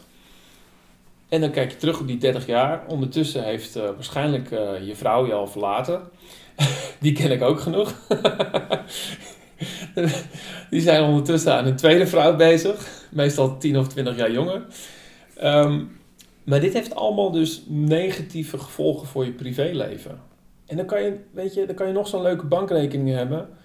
Maar je krijgt het er niet voor terug. Je krijgt dat geluk er niet voor terug. Het is veel mooier als je eigenlijk tevreden en gelukkig kunt zijn met helemaal niks. Als dat je basis is. Als dat je basis is. En daarna ga je uitbouwen. En alles wat erbij komt is bonus. En zo moet je eigenlijk je bedrijf gaan beschouwen. Alles wat daarbij komt is bonus. En dan kun je er ook van genieten. En dan is het geen must. Dan wordt het niet geforceerd. Want dan is het gewoon go with the flow. En als het goed gaat, dan geniet je er extra van. En als het slecht gaat, dan denk je, hmm, nou ja, volgende keer beter. het is toch mooi ook dat uh, als je in Nederland, de, grap is, ik, ik, ik ging failliet en uh, ja, ik was er vrij open over. Moest ook wel. En ik vond ook van, ja, weet je, ik heb, ik heb voordat ik failliet ging, heb ik al mijn leveranciers gebeld. Ik zeg, ja, dit is de situatie, dit gaat er gebeuren. Ik ga zelf de stekker eruit trekken. Um, maar er zijn heel veel reacties, gelukkig niet van mijn leveranciers, maar wel van mensen om je heen die zeggen van, uh, ja, hoe kon het nou gebeuren en dit en dat en had je niet anders moeten doen. En wat er in Nederland natuurlijk heerst, is, is en gelukkig valt het de laatste jaren mee, maar voor die tijd was het taboe. Uh, je, je, mocht niet failliet gaan en je mocht er al helemaal niet openlijk over praten. iedereen schaamde zich daarvoor. Terwijl heel veel mensen kwamen toe van, ah ja, als je in Amerika failliet gaat, dan hoor je er pas bij. Hè? Je moet eerst een keer failliet gaan, anders telt het niet mee. En, uh, en eigenlijk voelt dat voor mij, uh, laat ik zo zeggen, ik, uh, ik heb het een wijze les gevonden. Alles wat er om dat faillissement zich heeft afgespeeld, zowel de oneenigheid met, met mijn compagnon, als met werknemers, als met uh, op een gegeven moment die hele gang naar de, naar de rechtbank en de afwikkeling en schuldeisers, weet je. Het heeft mijn leven op een bepaalde manier verrijkt. En het heeft me op een gegeven moment ook doen relativeren. En ik van ja, wat is nou belangrijk, weet je. Ik maak me al jaren druk om al dat geld en, en het bedrijf. Terwijl ik wil gewoon genieten van het leven. En toen pas, toen, toen dat zeg maar, toen ik echt in de shit zat, toen ben ik echt in de spiegel gaan kijken en gaan denken van... hé, hey, wat zijn nou eigenlijk mijn waarden? En waarom doe ik dit eigenlijk? Waarom ben ik ooit begonnen met die evenementen organiseren? Of waarom doe ik wat ik doe? Weet je, dan ga je terug naar, uh, naar wie je in de kern bent. Nou, dat was voor mij een heel mooi proces. Zou het bijna een soort, het was eigenlijk een soort therapie was dat. Ik denk dat je nu de spijker op de kop slaat, want je maakt nu een onderscheid tussen wie ben ik en uh, hoe gaat het met me? Dus uh, wie ben jij is in jouw geval dan een, een, een, ondernemer in de evenementenbranche. En hoe gaat het met je zakelijk gezien? Kan het goed of kan het slecht gaan? Uh, als het goed gaat is het natuurlijk altijd mooi. Uh, als het slecht gaat zeg je terecht, dan kan je dat, dan moet je dat leren te accepteren. Alleen wat mensen in hun identiteit raakt, is wie je bent. En dat wil je niet verliezen.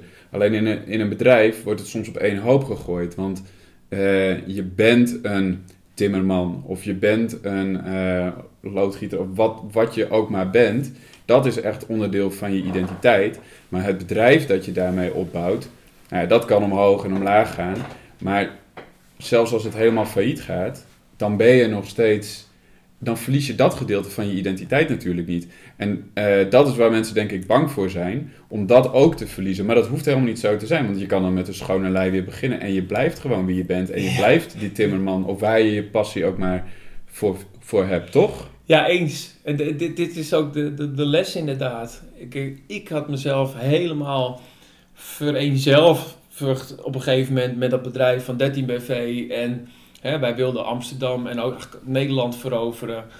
Dus, dus dat is dan dat is je droom en, en, en die leef jij.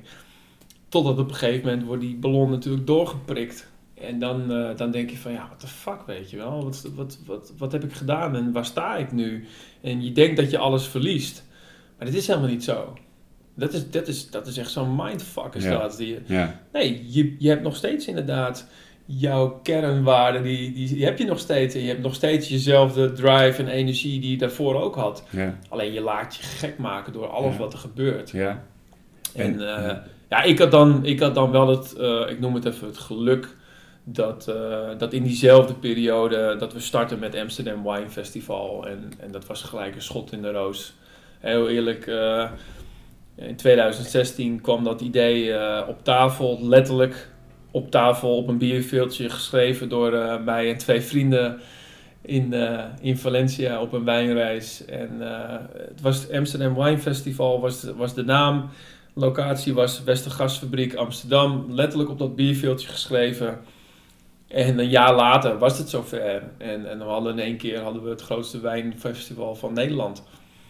Ehm, maar ja, de grap is, het- we praten over gewoon de ene week vroeg ik faillissement aan van het bedrijf. En, en kort daarvoor, twee weken daarvoor, had ik net mijn eerste evenement met het wijnfestival. En ik ging met, met diezelfde oogkleppen ging ik eigenlijk nog weer door. Van ja, nu gaan we dit maar groot maken. We willen dit groot maken. En doordat die eerste editie zo'n succes was, was eigenlijk alweer het tapijt uitgerold voor de komende jaren. Zo van, eh, nou, die eerste editie was een try-out. Daarna hebben we gelijk een driejarig contract getekend met de, met de Westergasfabriek. Eh, niet voor één evenement, maar twee per jaar. En eh, het waren dan ook nog eens een keer meer, meerdaagse festivals. Ehm, dus opeens had ik zomaar weer een nieuw bedrijf, weet je. En, en ja, mijn compagnons eh, waren... Eentje eh, is dan veel jonger, tien jaar jonger dan ik ben. Die werkte voor ons in 13 BV. En, eh, en die andere was juist eh, uit de wijnbusiness. Eh, die, hij was accountmanager bij een van de grotere wijnimporteuren in Nederland. Leverde voor de andere foodfestivals toen alle wijnen. En zo, zo kwamen we eigenlijk met z'n drieën bij elkaar dat weekend in Valencia. En zij waren helemaal nieuw, zeg maar, of praktisch nieuw in dat ondernemen en, en organiseren als zelfstandigen. Dus die hadden, die, die bruisten van de energie. Dat kwam er met bakken bij hun ook uit. En dat had ook zijn effect op mij. Want ik dacht, wow, nieuwe energie, nieuw bloed. En het was voor mij ook weer mooi. Maar waar ik even aan voorbij ging, is dat eh, uiteindelijk, eh, je kunt heel veel dingen wegdrukken in je lichaam en in je leven. Maar uiteindelijk komt het toch wel weer naar boven. En zo was het ook met, eh, met het faillissement en met de teleurstellingen en de frustratie. En ja, want je had dat niet goed afgesloten. Helemaal niet. Nee. Nee, wel nee joh. Ik, eh, weet je, ik ben, ik ben heel goed, of was heel goed. eh, tegenwoordig kan ik gelukkig beter mee omgaan. Ik was wel heel goed in dingen wegdrukken. Al, al mijn hele leven ben ik achtergekomen, drukte ik dingen weg. Ja, op een gegeven moment eh, eh, borrelt dat en dan ontploft het. Ja. En eh, zo ontplofte eh, eigenlijk ook onze relatie. En dan praat ik even over mijn privé situatie. Want ja, ik was opnieuw weer mezelf aan het verliezen in een nieuw bedrijf. En, en mijn vrouw, toen nog vriendin, die dacht ook van... eh, ja, weet je, wat moet ik met die vent? Want ik zie hem nooit. En als hij er is, is hij alleen maar bezig met, met de zaak en dat soort dingen. Dus dat, dat, dat ging gewoon op een gegeven moment niet meer.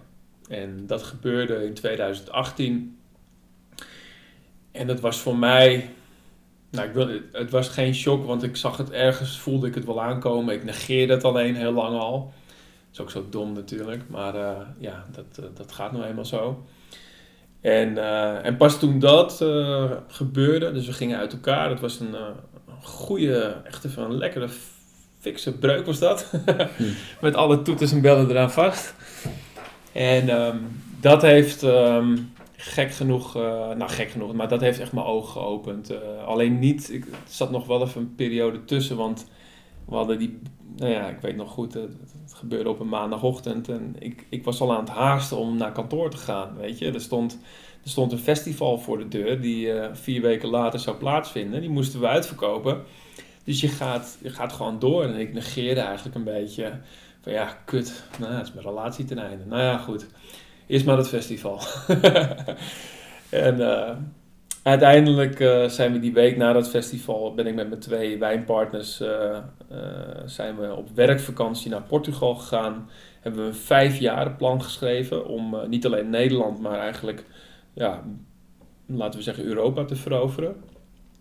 En vijfjaren plan, ja, fuck man, we waren echt, ja, enthousiast en gretig. En ik ging daar ook in mee. En ja, toen kwam ik na die week kwam ik thuis in een leeg huis.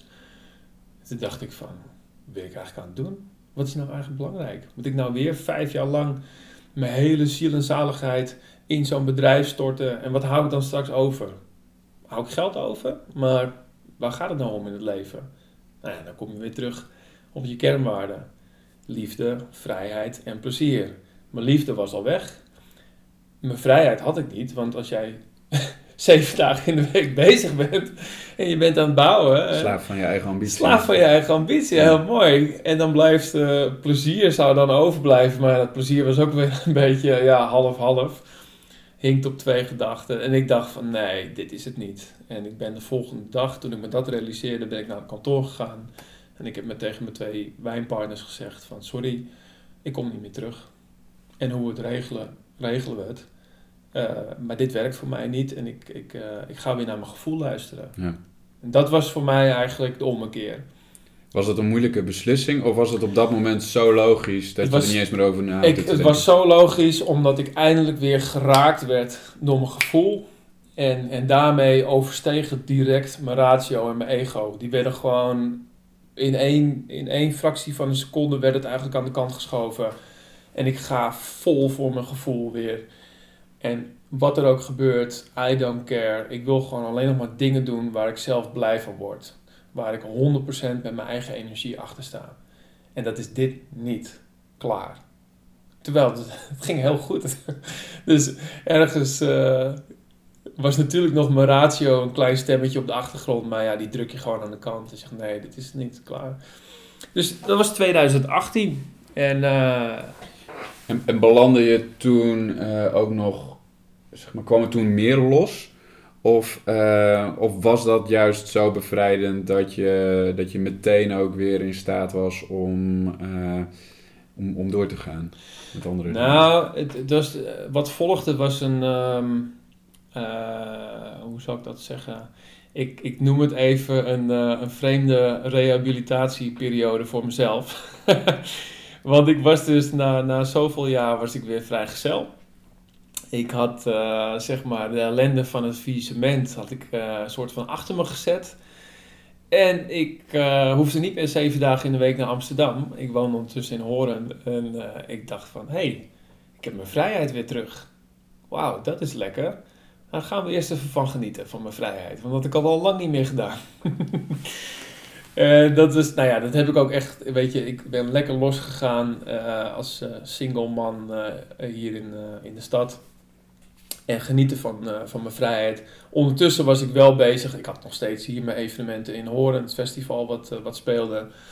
Um, ik was destijds al begonnen met verdiepen in persoonlijke ontwikkeling. Eigenlijk naar aanleiding van het faillissement. Ik, ik, ik, ben niet gek of zo. Ik, ik heb gelukkig een goed verstand gekregen van het universum. Dus ik wist ook wel van, hé, hey, dat, dat gezonde en goede verstand dat moet je toch weer even gaan gebruiken. En toen ben ik dus in die persoonlijke ontwikkeling gedoken sinds 2017. En eigenlijk uh, in, die, uh, in de zomer, zeg maar uh, Q2 en Q3 van 2018, was ik en aan het genieten aan de ene kant van mijn vrijheid. En aan de andere kant was ik heel erg aan het investeren, tijd en energie, in persoonlijke ontwikkeling. Wetende dat ik hier verder mee aan de slag wilde om te gaan groeien. Ik wilde gaan groeien. Ik wilde, ik wilde gewoon weer de Rob die ik ook al 15 jaar geleden was, die zoveel potentie had en zoveel energie had om weer dingen te doen waar hij zelf blij van werd en daarmee ook andere mensen blij kon maken. Dat wilde ik weer creëren.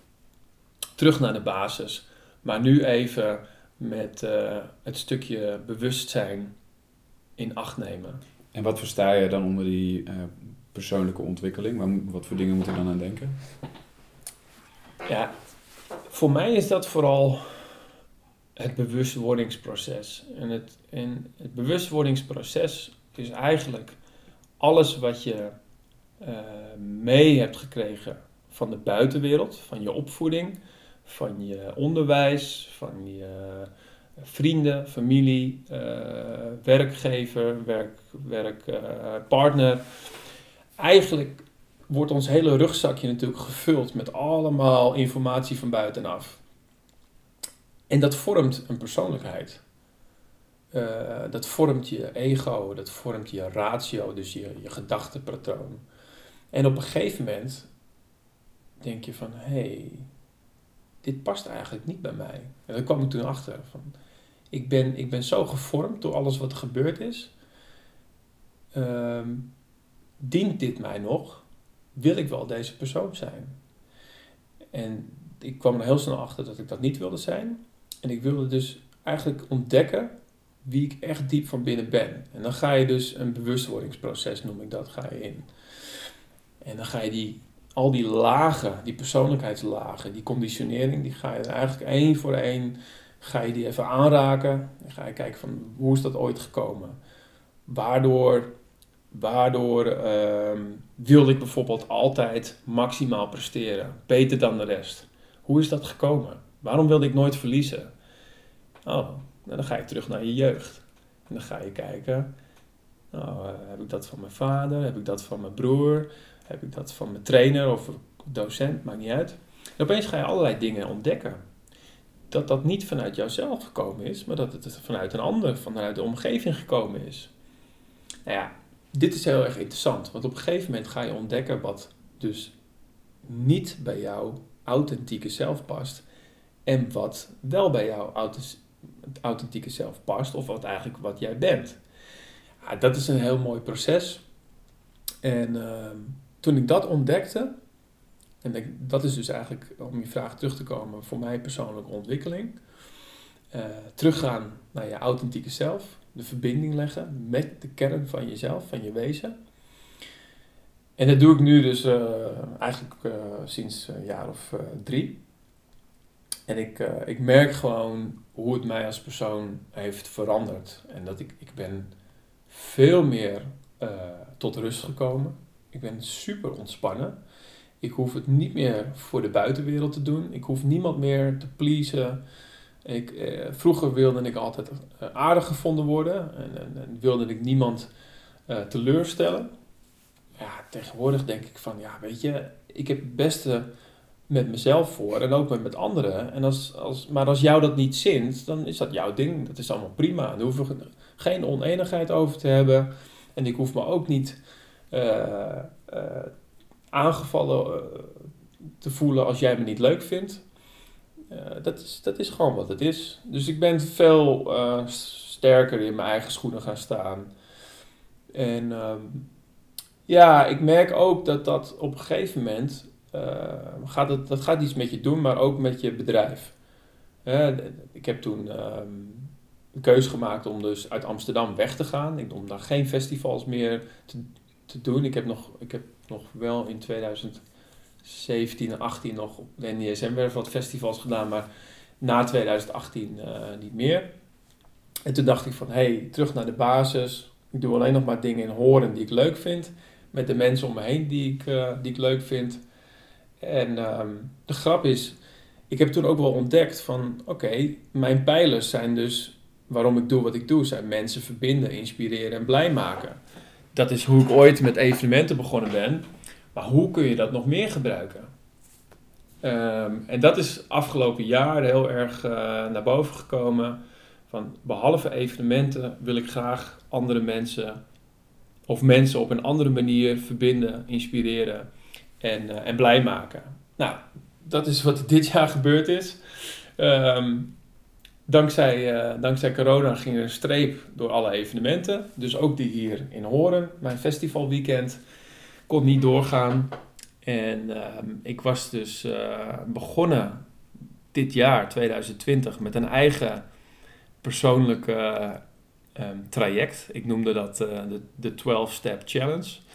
Waarbij ik elke maand een andere uitdaging deed. Om te kijken van, hey, waar ligt eigenlijk mijn, waar ligt mijn grens? Hoe kan ik mezelf veranderen in een positieve zin? Hoe kan ik mijn slechte gewoontes uh, omdraaien naar positieve mindset? En hoe kan ik uh, ontdekken wat mijn potentieel is? Nou, dat was een heel interessant uh, proces. En ondertussen zitten we in eind november, bijna december van 2020. Dus het jaar komt nu ten einde. Ik heb, ik heb heel veel uitdagingen gedaan voor mezelf. Wat voor dingen moet ik dan aan denken? Nou ja, dat, kan je een voorbeeld noemen? Ja, zeker. dat had in eerste instantie te maken met um, vooral mijn gezondheid. Um, een, een, een scherpe geest huist in een gezond lichaam. Dus als jouw basis niet op orde is, ja, weet je, dan kan je het wel shaken. En uh, dat, ik vond eerst moest dat op orde. Dus ik ben uh, de eerste drie maanden van dit jaar heb ik mijn uh, verslaving getackeld als in alcohol. en dat ligt natuurlijk voor de hand als je januari, dry January, oké. Maar het was wel, het was gewoon mijn grootste vijand, alcohol. En altijd een goed excuus om even te ontvluchten aan alles. Dus die heb ik eerst getackeld in januari. Gewoon een maand lang niet drinken. Uiteindelijk heb ik dat drie maanden volgehouden. Um, en in maand twee was het... Um, ja, dat, is, dat klinkt misschien raar, maar ik, ik, ik ben de hele maand echt vegan gaan eten. Volledig vegan, op alle fronten en niet smokkelen. Um, dat kwam ook omdat ik had... Vlak daarvoor had ik een uh, oogoperatie gehad. En ik wilde zo snel mogelijk mijn lichaam herstellen. Ja, wat ga je dan doen als je lichamelijk snel moet herstellen? Dan ga je informatie opdoen van wat is eigenlijk goed voor je lichaam. Nou, dan kom je snel op voeding uit. En zo, uh, zo kwam er uh, juist het idee van, ik wil geen vlees meer, ik wil geen zuivel meer, ik wil geen suiker meer. Toen ben ik ook helemaal gekapt met suiker in dezelfde maand. Dus niet alleen vegan, maar ook nog eens een keer geen suiker. Uh, ik ben gestopt met koffie drinken kwam ik achter dat dat nog het zwaarste van alles was. ik was ook echt koffieverslaafd. En dan krijg je dus echt onderwenningsverschijnselen. Uh, die alcohol en dat suiker was één ding, maar geen koffie was, uh, was ook wel cafeïne. Dat was wel heftig, inderdaad. Maar ik pakte ook alles weer tegelijk, want zo ben ik dan. Dan ga je overal 100% voor.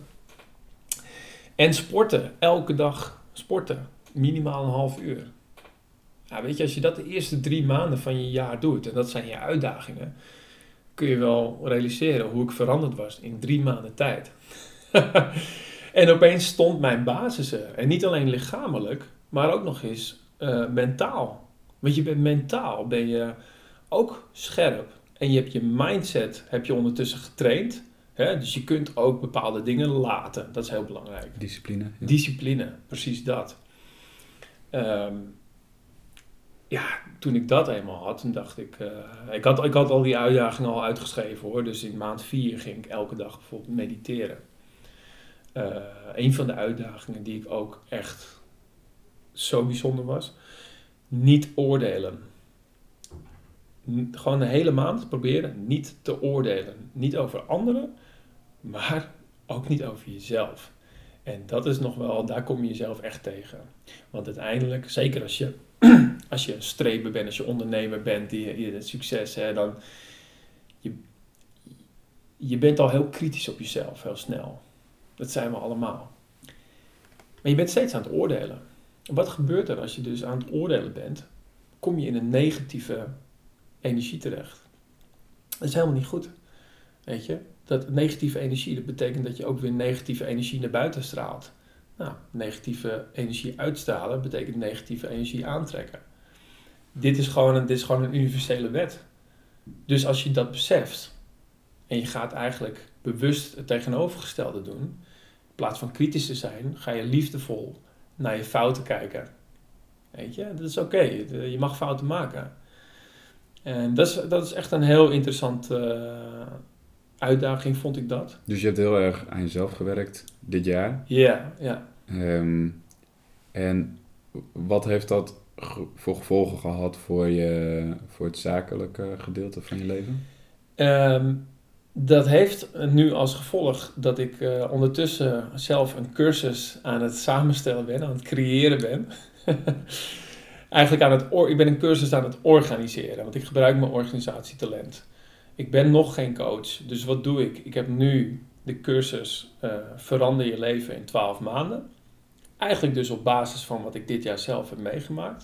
Ik ben zelf een proefkonijn geweest voor deze cursus. En ik zeg, kijk, je kan je leven niet veranderen met een, met een seminar van een weekend. Dat gaat niet gebeuren. Ik heb het zelf gedaan. Ik ben uh, een paar seminars geweest in de afgelopen jaren. Tuurlijk, je voelt je tijdens dat weekend even, hè, de energie is er, er worden wat zaadjes geplant.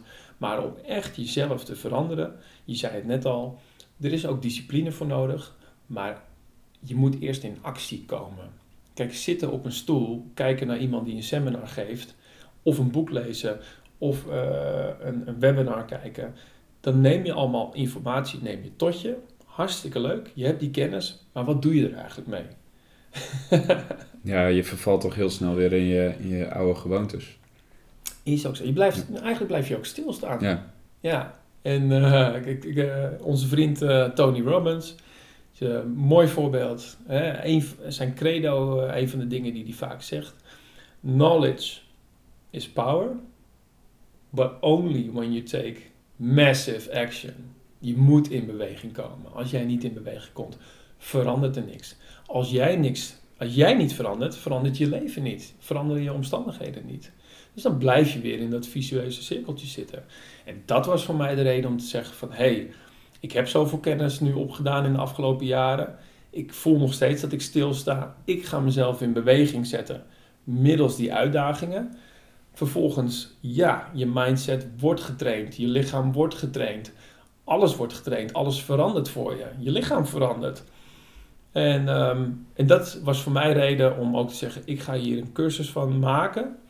Ik ga het op zo'n manier organiseren. 12 maanden, 12 uitdagingen. Die mag jij zelf uitzoeken. Het is jouw leven, het zijn jouw uitdagingen.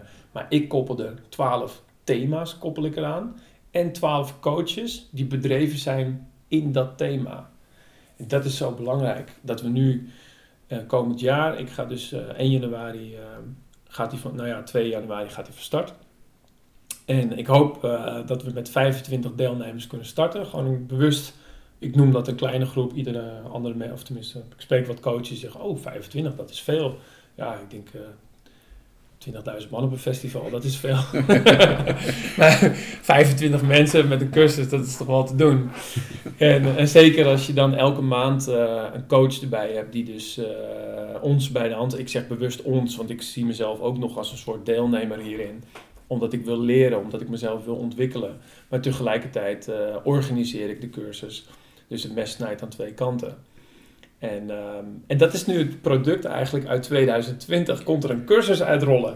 En zou, zou dat er ook uitgekomen zijn als we geen coronavirus hadden gehad, denk je? Ja, stiekem wel. Stiekem. Ik, had het, ik had het gevoel, het zaadje was al geplant. En ik was er eigenlijk al een jaar geleden bewust, denk ik, mee bezig. Van, hé, hey, ik ga eerst mezelf als proefkonijn nemen en ik wil in de toekomst, wil ik daar andere mensen mee helpen. Toen had ik nog niet het idee van, het wordt deze cursus met 12 coaches. Maar ja, gaandeweg ontstaat dat. En dat is natuurlijk mooi, want je zit in de, in de flow, je zit in de energie en dan komen dit soort dingen. De grap is, die coaches, die komen nu, één voor één komen ze op mijn pad. Dat, trek je gewoon aan. Daar ben ik ook heel blij mee. Hetzelfde geldt voor deelnemers. De, ben nu een paar weken ben ik uh, mijn, uh, mijn verhaal ben ik eigenlijk op mijn social media aan het delen. Uh, voor de luisteraar Rob van der Molen. Dus even Facebook of LinkedIn of Insta. En, en het trekt dus nu al mensen aan. Ik ben nog niet eens aan het adverteren, want het begint eigenlijk volgende week. Zeg maar de hele maand december ga ik wat zieltjes winnen, om het zo mooi te zeggen. Maar dat trekt nu al mensen aan, doordat ik mijn verhaal deel. En ehm, ik, ik krijg er zoveel energie van. Het, is, het, voelt net weer als 15 jaar geleden, toen ik net begonnen was met evenementen organiseren. De grap is, het is ook nog steeds op dezelfde pijlers ben ik aan het bouwen. Mensen verbinden, inspireren en blij maken. En dat gaan we ook met deze groep doen, die eerste groep deelnemers. En ehm, ja, ik kijk er gewoon heel erg naar uit. Ik vind het interessant wat je nu als laatste zegt. Er zijn een hoop ondernemers die zich uh, in deze tijd opnieuw moeten uitvinden. Bij jou was het dan misschien ook wel gebeurd uh, als er geen uh, coronacrisis was geweest, maar sommige mensen moeten dat toch doen. Um, noodgedwongen. En dan is de vraag van ja, wat ga ik dan doen? Um, en ik zeg altijd, het is een combinatie van wat kun je doen en wat wil je doen. Waar liggen mogelijkheden uh, in de markt, um, bij je eigen capaciteiten? En wat wil je doen?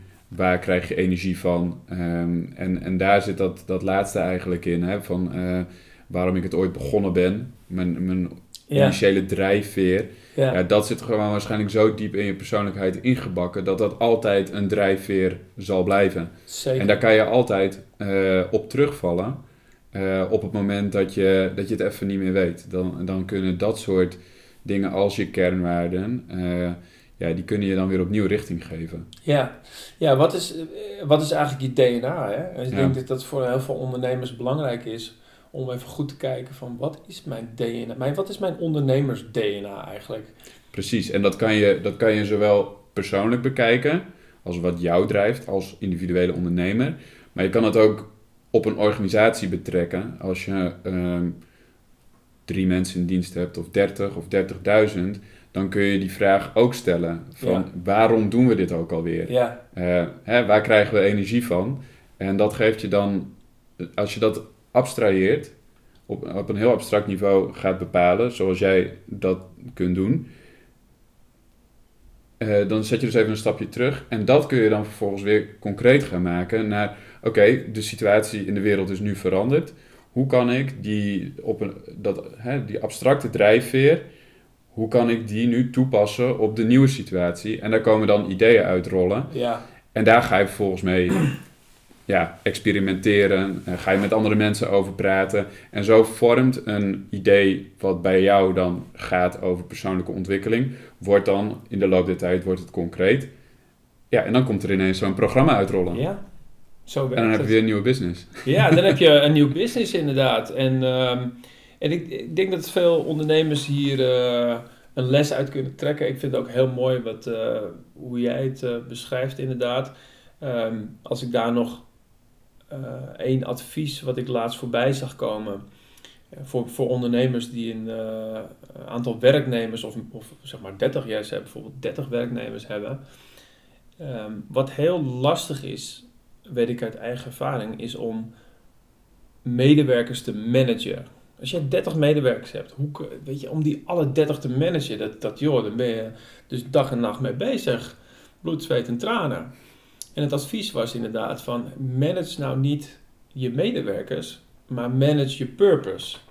Want als iedereen zich bewust is van het purpose van het bedrijf, en dat is hetgene wat jij als eigenaar managt, het purpose, dan staan alle neuzen dezelfde kant op. En dat is waarom branding zo belangrijk is. Dit is ook wat Steve Jobs zei. Als je uh, met slimme mensen werkt, en de meeste mensen zijn gewoon best wel slim, die ja. hoef je niet precies te vertellen wat ze moeten doen en hoe ze het moeten doen. Nee. Je moet alleen de neus dezelfde kant op krijgen, ja. dat we allemaal dezelfde richting oplopen, hetzelfde nastreven. En als je dat helder hebt, als je dat kunt duidelijk maken aan iedereen, dat is al lastig genoeg trouwens. Ja. Maar als je dat lukt, dan kunnen mensen zelf wel goed genoeg inschatten, oké, okay, dat betekent nu dat ik uh, op zo'n manier de telefoon moet opnemen, dat ik dit, dat dit productidee een goed idee is en dat niet, en dat ik zus met mijn klanten om moet gaan en zo met mijn collega's. Ja dat kunnen mensen dan zelf wel toepassen. Ja, exact. Ja, en dit, dit, dit gaat een, hoofd, een, een heleboel hoofdpijn schelen voor ondernemers als je deze switch gaat maken. Ja, ja 100%. Leuk uh, Rob, interessant. Uh, ik heb nog, nog één vraag over, uh, we hebben net een heel klein beetje overheen gestapt. Als je terugkijkt op de het venijn dat op een gegeven moment ontstond tussen jou en je compagnon. En dat, dat heeft een jaar lang heeft dat eigenlijk dat doorgeëtterd. En dat je zei op een gegeven moment, ja, werkten we gewoon volledig langs elkaar heen. Eh, of zelfs misschien wel tegen elkaar in. Ehm, ik denk dat je achteraf eh, niet zou willen dat dat een jaar eh, zo was gegaan. Nee. Hoe zou je dat nu, met de kennis van nu, hoe zou je dat eh, sneller hebben kunnen oplossen? Want de, de Ja. reden dat ik het vraag is dat natuurlijk, je zal niet de enige zijn die een keer met een compagnon in de clinch ligt. En, Nee. En ehm, ja, dan, dan wil je daar gewoon zo snel en zo goed mogelijk voor beide partijen uitkomen. Niemand is erop uit om elkaar echt eh, het leven zuur te maken. Eh, alleen op een gegeven moment bereik je dat punt misschien wel, eh, maar dat wil je niet. Ja, nou ja, kijk, eh, wat tegenwoordig natuurlijk gangbaar is, is dat je dan een mediator inhuurt om te, te bemiddelen. Dat is met name iets van de laatste vijf jaar. Wij zaten net, ja, in principe zaten, ja, zaten wij ook nog alleen. Alleen, misschien waren wij nog veel te eigenwijs om een mediator te huren. Ik denk dat dat voor meer mensen geldt. Maar denk Ja. je wel dat dat zou helpen? Nee, ik, ik, zeker dat het gaat helpen. Want uiteindelijk eh, is het belangrijk dat je begrip krijgt voor elkaars standpunten. Dat is het. Hè? Je moet je kunnen verplaatsen in de ander. Dat is eigenlijk vice versa, gaat dat zo. En dan, als wanneer er begrip ontstaat, dan ontstaat er ook ruimte om tot elkaar te komen. En wij hadden dat toen absoluut niet. Ehm, ik, ik weet je, achteraf, eh, er zijn ook andere, andere keuzes die je kan maken. Je kan ook zeggen van, ehm, ja, weet je, ik, ik, ik, ik stop er gewoon mee. Dat, ik had dat toen ook kunnen doen, hè. Ik had, ik had ook gewoon kunnen zeggen van, ik stop ermee, ik schrijf mezelf uit als, ehm, als bestuurder, als directielid. Dus Maar- ik ben niet meer verantwoordelijk. Maar je zei op een gegeven moment, ja, we zijn eigenlijk toch een beetje tot elkaar veroordeeld omdat we ook die gezamenlijke schuld hadden. Dus zo Ja. makkelijk. En dan had ik dat voor lief moeten nemen. Ja, precies. Het lullige is dat die schuld uiteindelijk alleen maar groter is geworden. Ja. En dat ik nog mijn eigen geld erin heb gegooid. Dus stiekem was ik nog veel meer kwijt. Al had ik een jaar eerder gestopt, had het me minder gekost. dus, dus dat is ook iets waar je bij stil mag staan. Van ja, wat, wat, wat mag het kosten voor jou? Hè? En nogmaals, die optie heb ik toen eigenlijk niet overwogen. Maar achteraf had ik dat misschien beter kunnen doen. Gewoon jezelf als directie uitschrijven. Ja, ik ben nog aandeelhouder, oké. Maar ja, je, je, je ontheft jezelf eigenlijk van alle verplichtingen en verantwoordelijkheden. Zo wil je het spel misschien niet spelen, maar op een gegeven moment, als het dan zo hoog gespeeld wordt, kan je misschien niet meer anders. Nu heb ik mezelf eigenlijk ja, in een veel slechtere eh, positie gemanoeuvreerd. En kost het me ook nog eens een keer een aantal jaren, want ik heb die schulden uiteindelijk heb ik gewoon meegenomen.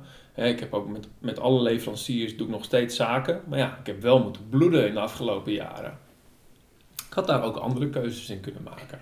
En ik denk dat er ook nog, misschien gaat er nog een stap eh, aan vooraf, voordat je een eh, actie onderneemt, wat het dan ook is, of dat dan, eh, wat je net omschrijft, eh, mediator inschakelen of, of andere acties, maakt er niet zoveel uit. Ik denk dat er nog eigenlijk een stapje voor zit om ehm, ja, eigenlijk te erkennen dat er überhaupt een probleem is. Ehm, en ervoor te kiezen, de keuze te maken om het probleem ook echt aan te pakken, in plaats van ehm, het te negeren bijvoorbeeld. Ja, ja dit, dit vind ik wel mooi inderdaad, eh, dat je hier even op inhaakt. Kijk naar het probleem. Kijk ook bijvoorbeeld naar het probleem van, eh, van corona nu in Nederland. Hè? En wat, wat doet de overheid bijvoorbeeld? Die gaat maatregelen eh, nemen om het probleem in te dammen. En dan heb je het over anderhalve meter, mondkapje, je handen wassen, et cetera. En eh, horeca dicht. Dus je gaat maatregelen nemen om het probleem in te dammen. Je gaat niet oplossingen zoeken. Dat verbaasde mij bijvoorbeeld ook. Van hey, in maart, april eh, is die eerste golf. We hebben een capaciteitstekort op de IC. We zijn zes maanden ve- verder. En we lopen nog bij de tweede golf weer paniek, want we hebben nog steeds een capaciteitstekort. Dus er wordt niet aan die oplossing gewerkt. Is in zes maanden tijd niet aan gewerkt? Ja, er zijn 100, 200 bedden bijgekomen, dat is echt eh, peanuts. Aan de andere kant van het probleem is de oorzaak. En de oorzaak is dat mensen eh, een ongezond leven leiden. Want als jij kerngezond bent, de kans dat eh, corona jou dan in het ziekenhuis brengt en op IC-bed legt, is eigenlijk te verwaarlozen. Iedereen die nu op een IC-bed heeft gelegen en ook de mensen die overleden zijn, 99 van de 100, misschien nog wel 99 plus van de 100, hebben een welvaartsziekte. of het nou uh, diabetes is of hartziekte of uh, andere ziekte, maakt niet uit. Welvaartsziekte. Dankzij ons ongezonde leven. Hetgeen wat we eten. Hè, komen we weer terug op dat stukje wat je tot je neemt. Uh, en, en ook daar, pas, pas de vorige week persconferentie is wat de eerste keer dat werd gezegd van... Hey, let op dat je gezond gaat eten, voldoende beweegt je had het over slaap, ook zoiets hè, voor je weerstand. Dat werd pas twee weken vorige week voor het eerst geroepen, na al die tijd.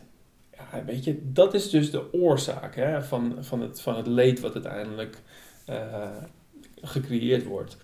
En uh, dit geldt ook voor het bedrijf. Als we kijken naar het bedrijf wat, wat mijn compagnon en ik destijds hadden, uiteindelijk was die storm en de schade, de financiële schade, was werd eigenlijk het probleem. We hebben niet genoeg geld, we hebben niet genoeg vet op de botten. En daarna kwamen ook nog wat obstakels die ook financieel ons verder in de, in de zorgen drukten. Dus je had eigenlijk moeten kijken van, hé, hey, wat was de oorzaak van het probleem? Ja, we hadden misschien uh, anders verzekerd moeten zijn. Weet je wel? Of we hadden uh, uh, minder risico moeten nemen. Dat zijn bijvoorbeeld dingen waar we op een gegeven moment niet meer over gepraat hebben. Dus we zijn niet teruggegaan naar de oorzaak. We zijn eigenlijk daaroverheen gestapt. En je gaat alleen nog maar over het probleem praten. En dit is iets, iets wat, waarvan ik achteraf gezien ook wel spijt heb. Dat ik denk van, hé, hey, dit is ook een, uh, een wijze les. Je moet veel meer kijken naar de oorzaak.